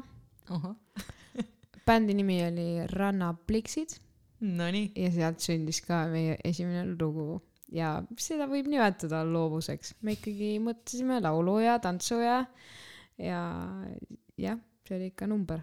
See on ka seal kuskil sahtlis või? ei, seda, seda ei ole, see seda elab pole, see jõudnud sahtlissegi, see elab ainult minu peas. see põletati enne juba, kui see kuhugi jõudis. jumal tänatud, see oleks ikka väga piinlik. kui sa peaksid äh, kellelegi oma stiili kirjeldama nagu musikaalses mõttes, siis äh, millega sa kõige rohkem nagu ennast mugavalt tunned või assotsieerud? mm,. muusika mõttes, jah, muusika mõttes eks ma sihuke muusikalilik olen mm. -hmm. Äh. selline, et äh, suvalistel ajahetkedel keset tänavat hakkad laulma mingist südamemurdmismomenti. jah, jah, poes laulan riisikotile ja paprikast ja aga miks mitte, mõtle, kui sa jääks kindlasti kellelegi silma, kui sa seda teeksid. jaa, saaks küll. ja ei, ma vist nagu, mul on kuidagi sattunud jah, siuksed rollid ka nagu, kus on nagu sihuke nii-öelda, mul ei ole, mul on alati suht tõsised rollid olnud selles mõttes, et mul, ma ei ole mingit nagu klouni mänginud, pigem sellised tõsised rollid mm,, kes elavad siis mingeid suuri sündmuseid läbi. et see on väga palju mind kujundanud ka, et näiteks nüüd, kui kirjutangi lugu Eesti Laulule, siis see on ka nagu veits väljavõte nagu mingist muusikalist, mulle tundub. et ta läheb ikkagi sinnakanti, et see tuleb mul kõige kuidagi, see tundub minu jaoks kõige loogilisem. Mhm. Kas laulud sünnivad sinu jaoks hetkeemotsiooni ajal või see on midagi, mingi süsteem, mille järgi sa neid ehitad? ma üritasin teha mingi aeg süsteemi järgi, sest äh, koolis niimoodi kuidagi näidati, et niimoodi võiks teha ja nii on kuidagi hea ja tore. aga kas see töötab? minu puhul ei tööta tegelikult, sealt ei tulnud head nahka, ütleme ausalt. et pigem hetkes sünnivad palju paremad asjad. no tavaliselt küsiksin ju kõigi, kes klaverit mängivad, et mille peal sa lood, aga ma ei usu, et sa viiuli kätte võtad ja seal mängid no kuidas sa nagu, klaveri, klaveriga jah, klaver ja okei. okay. vokaaliga jah. et sa mängid klaverit ikkagi? jah, jah, aa, okei, okei. üldklaverit sain jah, ja seal mm. ülikoolis ka ikka klaverisaadet ikka hommikust ja õhtus oh,, tähendab hommiku ja õhtusöögiks tahtsin öelda. nii et ei saanud ikka, ei pääsenud sellest, mis see oli, sada seitse klahvi või mis me siin välja seitse, mõtlesime? seitsekümmend kaheksa vist on, on või? ma ei tea, võiks sada üksteist tal oleks ilus number vähemalt. seda küll. mis su enda lemmikmuusikažanrid on peale muusikali, ma mõtlen, kui sa kuulad lihtsalt muusikat, ma tean, et sa kuulad kõike Poslamastat, aga kas on midagi nagu, mis nii-öelda nagu rohkem esile tuleb ma ise ei sobi seda küll laulma, aga mulle tegelikult meeldib rokk. mm.? Aga miks sa ütled, et sa ei sobi seda laulma? ma olen siuke, mul ei ole siuke, vaata siuke käe ja suitsune temper, siuke, kuigi Ei ma nüüd olema. olen teinud, mul on siuke selge, sopran olen ma tegelikult, Mm. et siuke selge hele toon, et see lihtsalt rokki liiga hästi ei mahu. oleneb muidugi loost, sest mingi hetk olid väga nasaalsed kõrged äh, naisvokaalid mingil hetkel onju. no võta kasvõi noh, ma ei tea, näiteks kui mina mõtlen roki peale Pinki võtad, siis Pingil on, tegelikult ei ole alati Jah, jah, mingi jah. siuke väga madal, tal on ikkagi päris kõrge popp nagu seal jah kõrves., jah, aga see ongi veits siuke pop-rock vaata no,. nojah, aga poprokil pole häda midagi, sa Jah. tahaksid ikka seda päris rokki, siukest nagu grunge'i või? ma ei teagi. veits dirty. jah, siuke, siuke, jaa, siuke, see on ikka cool. jaa, seda ma nagu austan väga. Kui äh, keegi praegu kuulab äh, mingi noor ja mõtleb, et ma tahaks ka lauljaks saada, siis kas sa soovitaksid tal lauljaks hakata? laulda võib alati ja ennast arendada lauljana absoluutselt. lihtsalt see, mida mõtled lauljana, sest mm -hmm. et kas sa tahad saada, kui sa tahad nagu, et see oleks sinu põhitöö, laulmine äh,, siis äh, pigem ma ütlen, et äh, see võiks jääda kuidagi fifty-fifty, mitte sada protsenti ainult laul miks nii? sest et ähm, see muud, see, et sa lauljana ära elaks, peab tegema orjatööd. huvitav, kas see on ainult Eesti probleem või see on see on ülemaailmne? Eesti probleem pigem jah. ühesõnaga, võib-olla kui sa tahad lauljaks saada, siis mine välismaale. mine välismaale, leia mingi hea produtsent ja mine ära siit. jah. kas sa usud, et Eestis on võimalik eh, teha head muusikat, mis välismaal müüb? absoluutselt, iga, igal pool on võimalik seda teha. Lihtsalt seda, lihtsalt seda turundada, sest maailmas on nii palju muusikat, mm.. et äh, kõik on võimalik peab lihtsalt õigel hetkel õiges kohas olema. ja targalt tegema ja ei ennast lihtsalt toppima igale poole, sa ei saa lootma jääda, et keegi avastab sind suvaliselt lihtsalt. lihtsalt reaalselt saadad oma lugusid igale poole. Mis need kohad on, need igal pool? igasugused mingid Sonyd ja Universalid ja kõik mingid management'id, mis üle maailma on. me ei räägi Mhm. ainult siin Baltikumist, et nagu saadadki oma lugusid ja unista suurelt. unista suurelt reaalselt ilmselt võib-olla neid ei kuulata, aga võib-olla keegi kogemata kuskil kuulab. ja just saadad nagu mitte, et äh, ei pane ainult netti ülesse, vaid saadad inimestele kuulata, kasvõi nagu saadad Ed Sheeranile, leiad mingisuguse management'i lingi, vaata. noh mm. -hmm. et see on nagu siuke must töö muidugi.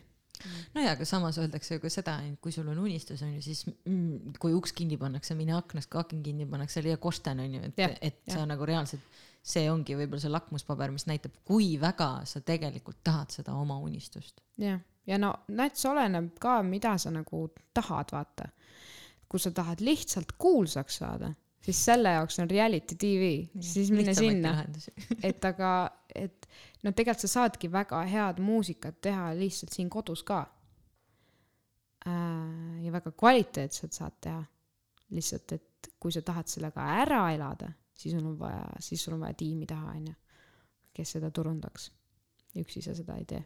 mis sinu silmis teeb ühest heast äh, lauljast või muusikust hea laulja või muusiku? siirus, avatus, emotsionaalsus, haavatavus. haavatavus. ühesõnaga, sa pead tundma seda, mida ta laulab.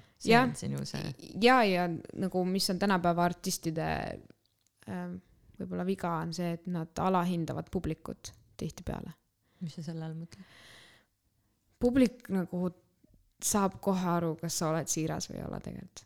Hmm. et kas sa teed asja raha pärast või suvalt või sul Jah. on juba kirk kas sa tahtsid lihtsalt raadiohitti teha või sul on päriselt seal mingi mõte taga? jah, kas kitarr on lihtsalt iluasi või päriselt nagu sul kaelas, jah, sest sulle meeldib kitarr? jah, kas sa tahad lihtsalt seksikas olla või sa tahad, mida sa tahad? mina sain aru sellest, et äh, mulle vist meeldib laulmine rohkem kui laulja olemine. siis, kui äh, me läksime plaadituuri tegema, ma pidin kaks õhtut järjest olema mingi poolteist tundi laval ja ma Mhm. esimesel õhtul oma hääle täiesti ära laulsin ja super. järgmine päev, terve päev põhimõtteliselt mingit sooja sidrunivett jõin ja palvetasin, et, et tütar saaks laulda. ja see, see nagu, et, et ühel ööl saad nagu mingi kell kolm öösel magama ja siis järgmine hommik mingi kell kaheksa on nagu nii, pakime sind bussi ja nüüd me sõidame kuskile mingisse Pärnusse mm -hmm. mingisse ja päevad sa passid kuskil. see on nagu see mitte glamuurne osa nagu, mida keegi ei näe, onju. aga kõik mõtlevad, jess, ma tahan olla nagu mingi mega hea laulja. ja, ja kas sul on ka selliseid hetki olnud, kus sa oled mõelnud nagu, miks ma teen seda, mida ma teen? oh,. ma olen mõelnud äh, vahest täpselt seda lauset olen endale, miks ma olen valinud sellise elukutse, miks, miks, miks, miks ja kus need, need hetked on alati olnud Vanemuises seal enne, kui sa va- lavale lähed, sul ei ole nagu närv. aga sa tunned seda mingit pinget nagu mm, -hmm. sest et sinu lavapartnerid on kõik nii head nagu ja sul, sul on siuke tunne, et nendel nagu tasemeni küündida kuidagi. et see tundub kuidagi siuke, et sa pead kogu aeg mingit levelit hoidma, sa ei saa hetkeks ka nagu lõdvestuda või et oh, ma teen täna kuidagi niimoodi hm, mööda minnes. ei, sa nagu iga kord lähed lavale, sa pead sada protsenti andma, isegi kui sul on nagu, sa oled mega väsinud, sa ei jaksa, sa ei ole vaimselt kohal, noh. et noh, kas sa oled vahel küsinud ka oma nendelt lavapartneritelt, kes sinu silmis on ilgelt head, et kas nad tunnevad tegelikult nii, nagu sina neid näed? ei ole küsinud vist. võib-olla peaks. ma peaksin küsima. võib-olla neil on sama nagu, et jesus christ, ma ei jaksa. ei no selles mõttes ma, ma näen küll seda, et ma tean, et nad ei lähe iga kord lavale mingi vuu, jess, lõpuks ometi saan ja kas on see noh, jah, noh, mingi professionaalsus on lihtsalt. ja seal on. lihtsalt jah, ja mingi nagu kogemus, noh, harjud sellega. Et lihtsalt äh, võib-olla nemad ei näe sind ka nii kriitiliselt kui sina. ja Ennast kindlasti ei näe, kindlasti ise oled siukene enda suurim vaenlane lihtsalt. kas sul on seoses selle muusik või helilooja või laulja olemisega ka mingeid selliseid äh, uskumusi, mida sa nüüdseks enda jaoks oled nagu ümber lükanud, aga mis varasemalt sind võib-olla tagasi hoidsid? see on raske küsimus natukene. selle peale nagu peaks öö veetma ja mõtlema, aga ma vastan niimoodi. ma olen ümber lükanud enda jaoks suurel määral selle, et kõige pikem ja aeglasem lause. mõttepaus. ma olen enda jaoks ümber lükanud selle, et ma ei tee seda, et ma ei ürita teisi kuidagi rahuldada selle looga, teiste vajadusi et sa teed enda pärast seda. mm. -hmm. see on päris kõva tulemus ju tegelikult. Mm -hmm. sest ei no selles suhtes, et paljudel võtab väga kaua aega, et jõuda selleni, et teha asju enda pärast, mitte teiste nagu rõõmustamiseks või kellegi heakskiitu otsides. no see on see ideaal, ma, ma ei tea, kas ma nüüd sada protsenti seal olen, aga ma olen vähemalt teel sinna. ma arvan, et ega rohkemat ei saagi küsida, kas me üldse kunagi jõuame kohale. jah, ei tea. kus kus on sadam? kus on, sadamat ei olegi, kui sa vaid teaksid seda, sa lähekski sellele merereisile. no ma ei tea, mul küll on vahel siuke tunne, et ma olen nagu keset pimedat ööd oma pisikese paaniga keset merd ja seda majakat ei tule ei tulegi, ei tule ja sa sõuad ja sa sõuad ja ja lained lähevad järjest suuremaks. on mõned aerud kaovad vahepeal ära, onju. aga vahepeal, aga vahepeal saabub hommik. ja see usk saabub, et kuskil on see horisondil peab tulema nagu see jah, ja siis sa arvad, et sa näed seda sadamat, sa hakkad ilgelt harjutama sinnapoole, vaata. mira. siis tuleb, saabub öö, saad, saad aru, et ei, see ei olnud seal. see oli it's all in your head. kas on midagi, millest sa unistad praegu? mm..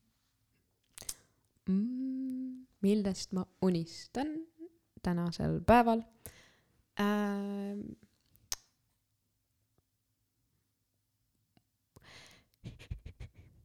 see ei olnud nutt, kui see võis nii kõlada. ma mõtlesin, hingeldasin korra. kerge paanika. unistuseks äh,, ma võin seda nimetada küll võib-olla.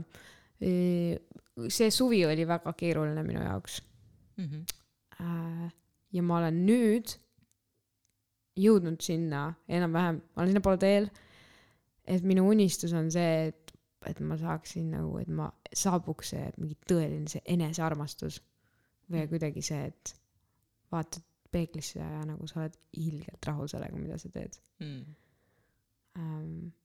jah, ma unistan sellest, et ma saaks ise endaga ülihästi läbi. vot, mul on sulle lahendus olemas, selle nimi on vundament. kus seda müüakse? kust seda müüakse, seda müüb Katre Kulbok enesearmastuse challenge'is. ah, davai. seda saab kamaluga sealt. pärast räägin sulle selle naljaloo ka ära. kõik, kes teised tahavad teada, te peate mulle eraldi kirjutama. või mine tea, võib-olla Katre tuleb kunagi ka saatesse. võib ka Mm. juhtuda. jaa, nüüd äh, ma lubasin alguses ka, et me natukene tuleme tagasi selle pildiseina juurde. oih, sellest me oleme nii kaugele juba läinud, onju, kes seda enam mäletab, mis asi see pildisein on ja kuidas see sinna pole kunagi kuulnud. sattus. sein oli, pildid olid, keda polnud, meid enam ei olnud. et äh, alustame siis sellest, et kust tuli pildiseina idee? Äh, kuidas hakkab üks muusikali, muusikali näitleja, laulja mingit pildiseina teemat ajama?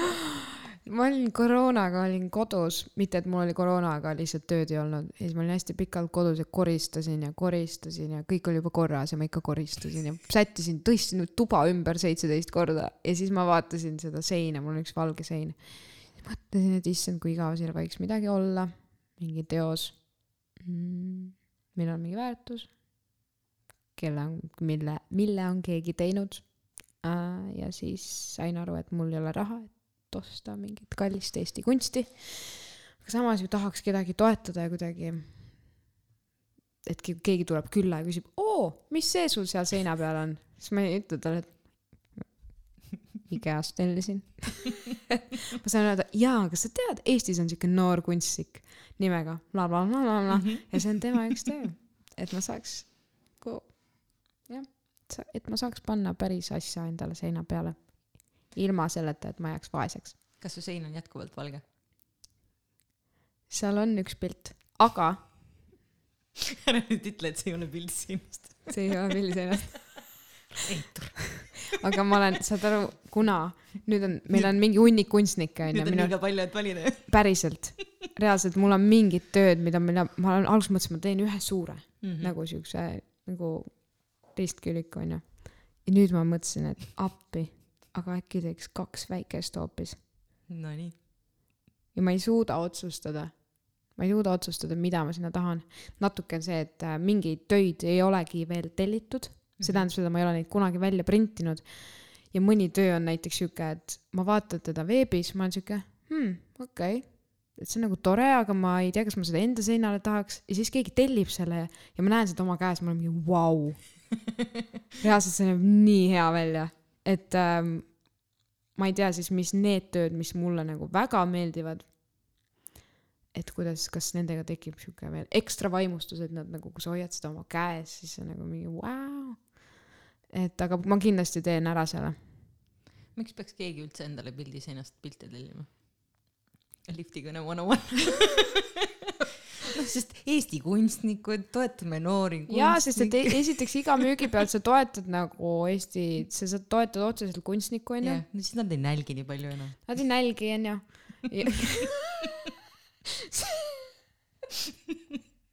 ei, tegelikult kunstnikud ei nälgi, aga noh, kõigil kulub ära veits manti.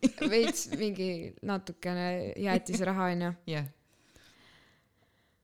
miks sa peaks ostma? ma lihtsalt tahaks inimesi julgustada loobuma masstootmis, masstoodangust, õige. mida, mida meie kodusisustusspoed pakuvad.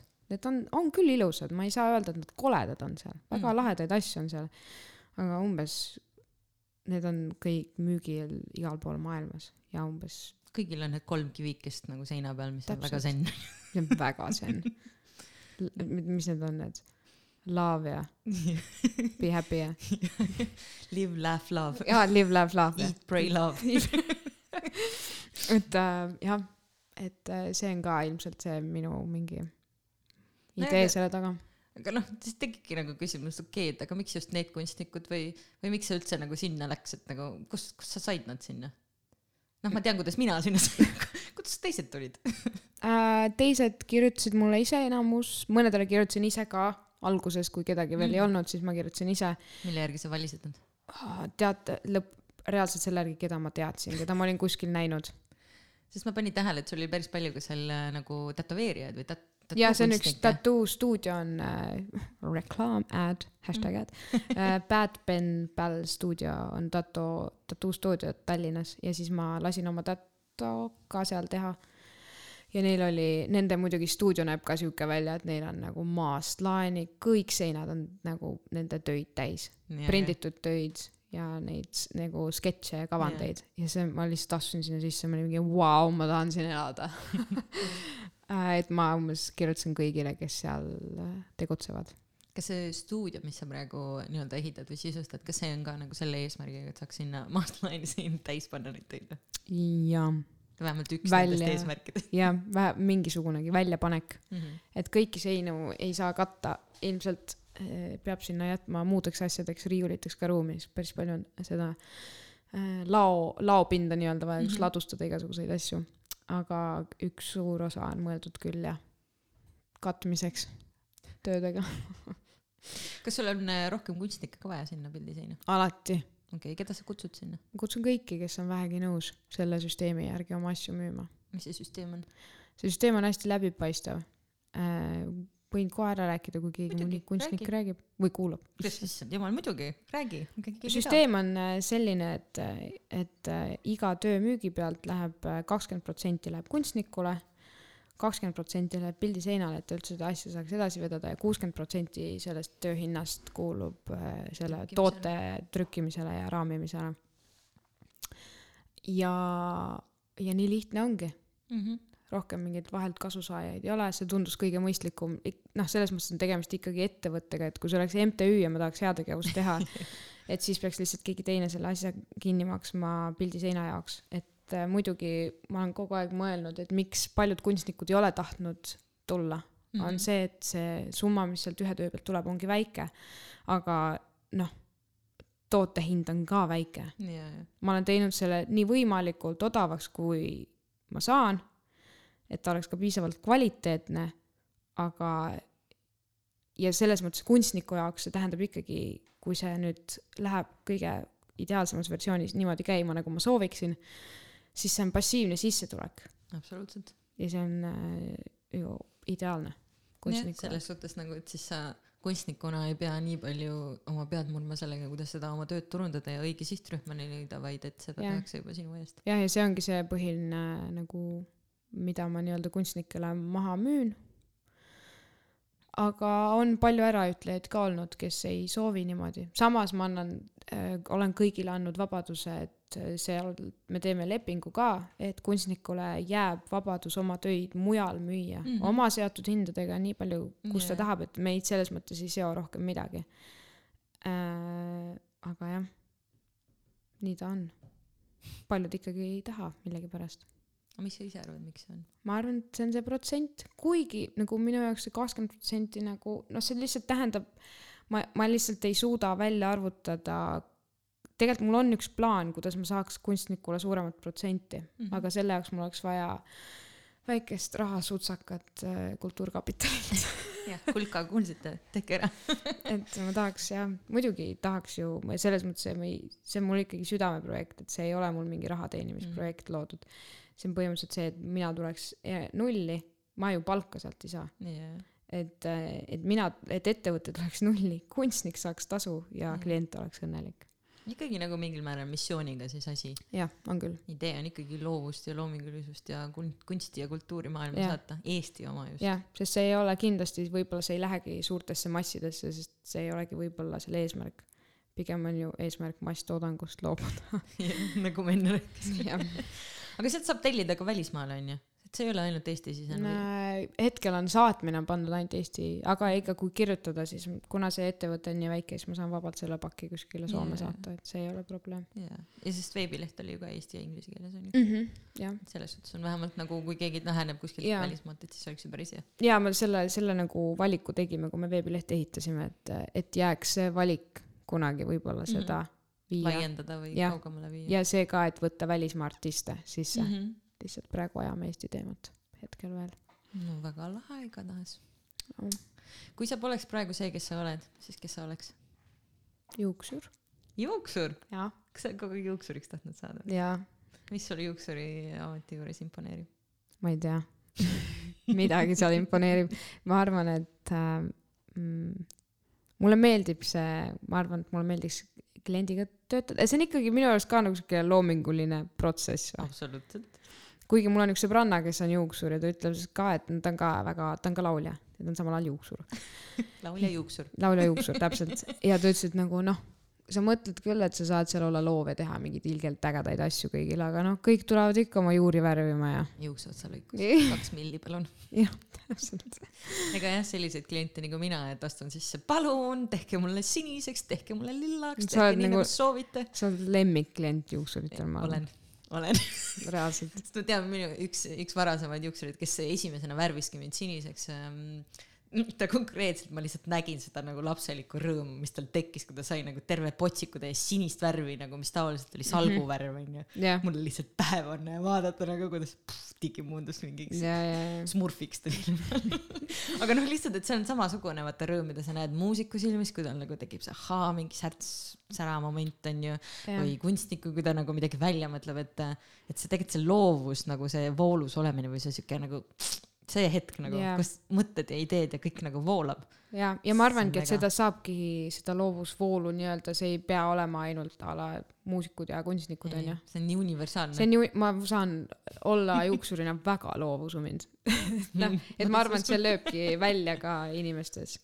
No kui sa nüüd mõnikord ma vaatan ise ka no juuksureid, aga kui sa paned juuksurite puhul tähele, siis ega juuksurid ei ole lihtsalt igavad inimesed, neil on Ei. võimalus ennast välja elada selles, milliseid pintslaid nad valivad, milliseid mm -hmm. harju nad valivad. noh, ma ei tea, nagu võtad mingi selle ükssarviku nagu sarvekujulise nagu harja kätte ja oledki see unicorn nagu juuksur ja see Jah. ongi sinu theme, vaata. Neil on see töökoht, vaata, see üks Jaa. peegel ja tool ja siis see on, mõnedel on siuke mingi päo lihtsalt või Jaa. sa näed, et ta eristub nagu. Palun astuge minu buduaari teie ta- koht on siin, siin troonil. ta väljendab ennast seal nagu, et see on jah äge. kõik, mis juustesse ei lähe, läheb igale poole mujale. sa näed, et keegi on käinud seal seda halda tolmu lihtsalt niimoodi nii et ma arvan, et kui ma oleks juuksur, siis ma oleks mingi siuke juuksur. no ma loodan, et siis see, see pildisena nii-öelda stuudio saab ka siis välja nägema nagu täiega siuke, vau, vau, vau, noh. ja, ja, ja, ja täiega, siis on, kuhu külla tulla. täpselt. teed jooma. ja Põhjala tehases on see, Põhjala tehas, oled käinud seal kandis või? ei ole sattunud, täiega tahan minna. ma olen täppruumi tahtnud minna. jah, seal on ikka see, see seltskond, kes seal koos on, on ka ikka väga aga seal vist käib päris palju rahvast, see on siuke up and coming või? jaa, see on nagu. Teine Telliskivi. uus, uus telliskivi. nagu Noblessner on vahepeal vist olnud suvel. no Plakas oli jah siuke. no see on vist su- suvel rohkem teema ja, nagu. ja ta on siuke noh, istumine ja söömine, aga seal äh, Põhjalas ongi reaalselt kontorid. minu korrusel ongi mingid kunstnikud ja disainerid ja õmblejad ja Vau, vau, vau. kõigil on omad stuudio, väiksed stuudiod reaalselt, no kolm korrust on mingi Nii nagu äge. loovaid inimesi täis, ongi reaalselt minu ja ma ei ole nüüd süvenenud, aga ma ütlen julgelt kaheksakümmend protsenti on kõik loovad inimesed seal. kas seal tehakse seda ekskursiooni ka? ma ei tea, ma ei ole veel käinud ühelgi, pole näinud, Okay. pole infomeili saanud selle kohta. no vot, vot ma pean sulle külla tulema, siis ma saan ka näha neid ägedaid loovaid ideid Jaa. ja mõtteid ja asju.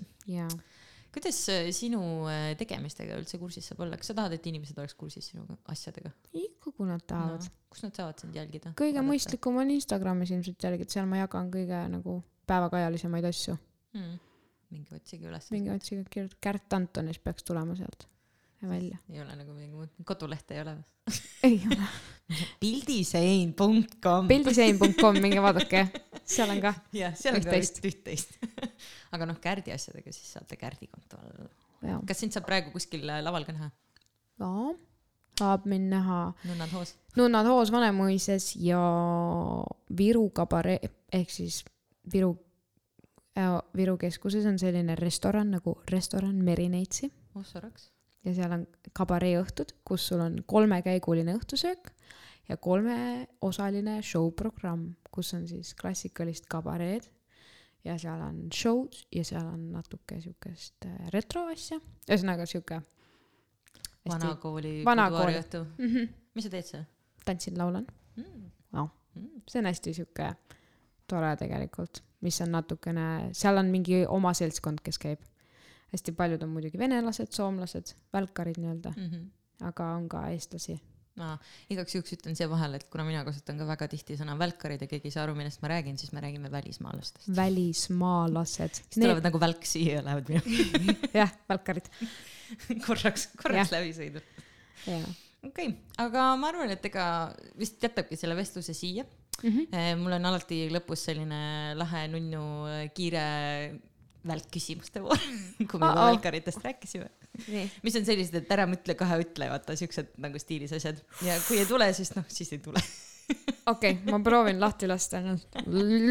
nii, okei okay., skaalal ühest kümneni, kui emotsionaalne inimene sa oled? kaheksa, millal sa viimati pisaraid valasid? eile, kui sa oleksid mõni loom, siis mis loom sa oleks? kass. miks kass? ma lihtsalt tunnen, et meil on sama kogus iseseisvust ja salapärasust ja pohhuismi. ja pohhuismi. ma ei pane üldse sulle sõnu suhu. ei pane. kui keegi peaks sind rahvarohkes kohas üles otsima, siis mille järgi nad kõige tõenäolisemalt sind üles leiaksid? naer. kui ma, kui ma olen lõbus muidugi aga, kui ei ole, sa oled kurvas tujus, siis ei leiagi.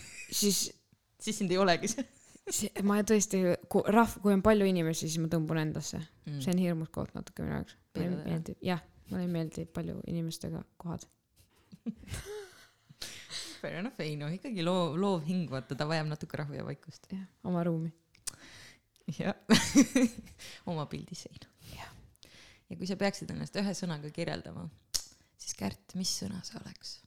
ma lihtsalt näen arbuusi, ma ei arbuus, ma näen, seal on arbuus.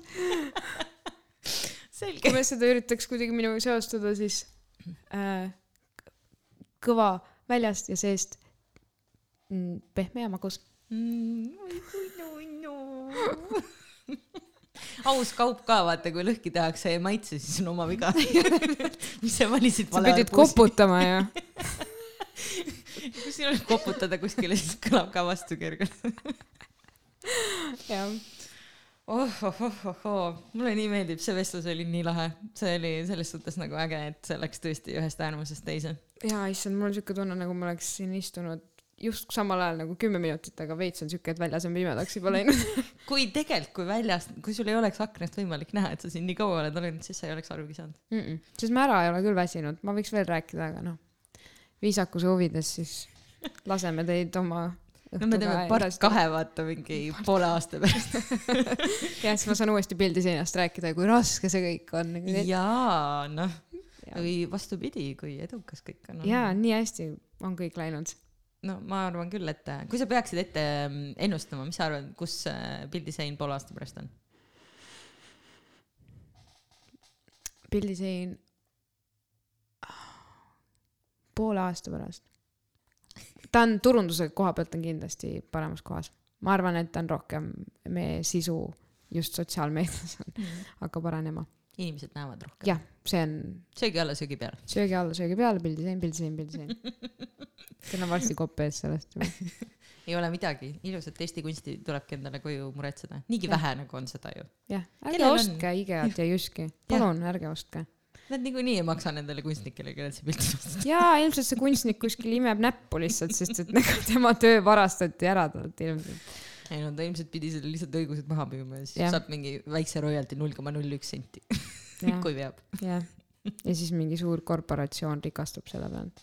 jah, ja üldse Jyski äh, kunst ei ole nii äh, originaalne. ja, ja nad prindivad kile peale praktiliselt. vot siis. kõige odavam materjal, mis tuleb Hiinast. mida, jah, toeta eestimaist, osta Eesti kunsti. ja mitte ära lase endale naftat koju seina peale panna. jah, pane surnud puid parem, jah, kaetud ilusa trüki, jah, kellegi loovuse vilju. täpselt. okei okay,, selle noodil ma siis äh, tõmban selle saate kokku, sest mulle nii meeldib see lõpp. aitäh sulle, Kärt, et sa tulid minuga rääkima. aitäh, et sa mind kutsusid. said ikka lõpuks ära teha kui siin on äh, keegi, kes on veel nii kaugele jõudnud meid nagu kuulata ja thanks nagu bravo. sa oled nii tubli. auhinnaks on null. mitte Au- midagi ei saa auhinnaks, au- auhinnaks on rõõm. auhinnaks on kõik see. mis toimub peale seda, kui me tegime aplausi ära. milleks on siis äh, igavalt äh, või natukene loominguliselt see, et kui sa tahad äh, jagada minuga oma mõtteid, mis see saade tekitas või Kärdiga oma mõtteid, siis kirjutage meile Jah. äh,. et siis äh, Loovusvoolul on olemas oma Facebooki ja Instagrami kanal ja saab ka saata mulle pikemaid kirju meili peale, võib ka käsitsi kirjutada kirju, aga siis sa pead juba isiklikult äh, ühendust võtma. kuigi mulle väga meeldib tigupost, nii et palun saatke mulle, saatke mulle ilusaid kaarte ja kirju. see on nagu saab postikana vaata olla mm, -hmm. nii äge. nagu Karlsson omal ajal oli. Ja kui sul on mõni äge sõber või tuttav või lihtsalt mingi inimene, kellele sa oled alt üles vaadanud ja mõelnud, vau, kui loominguline äge inimene see on, siis selliseid nagu sõnumeid võin võin ka saata. soovita mulle keegi, pane keegi tanki. ja siis ma vaatan, kas ma oma julguse suudan nagu kokku tõmmata ja, ja nad ka paluda siia saatesse. Kärt võib öelda, kas oli eh, hirmus olla siin? ei olnud, oli väärt siia tulemist? muidugi, nii tore. Vaata sellistes vestlustes, ma pean tavaliselt vestluseid oma peas selliseid, tore on nagu kellegagi jagada, siis jälle kuidagi on hea olla. jah, siis läksid mõtted lendu onju. Läksid jah? ja vot nüüd sa ei teagi, kuhu need mõtted välja jõuavad. vot. ei saa sahtlisse panna, ma ei jah, olgu siis nii, aga sellel ilusal äh, mõttel äh, lasemegi siis voolata lõpule. aitäh, Kärt. aitäh. järgmise korrani. tšau, tšau.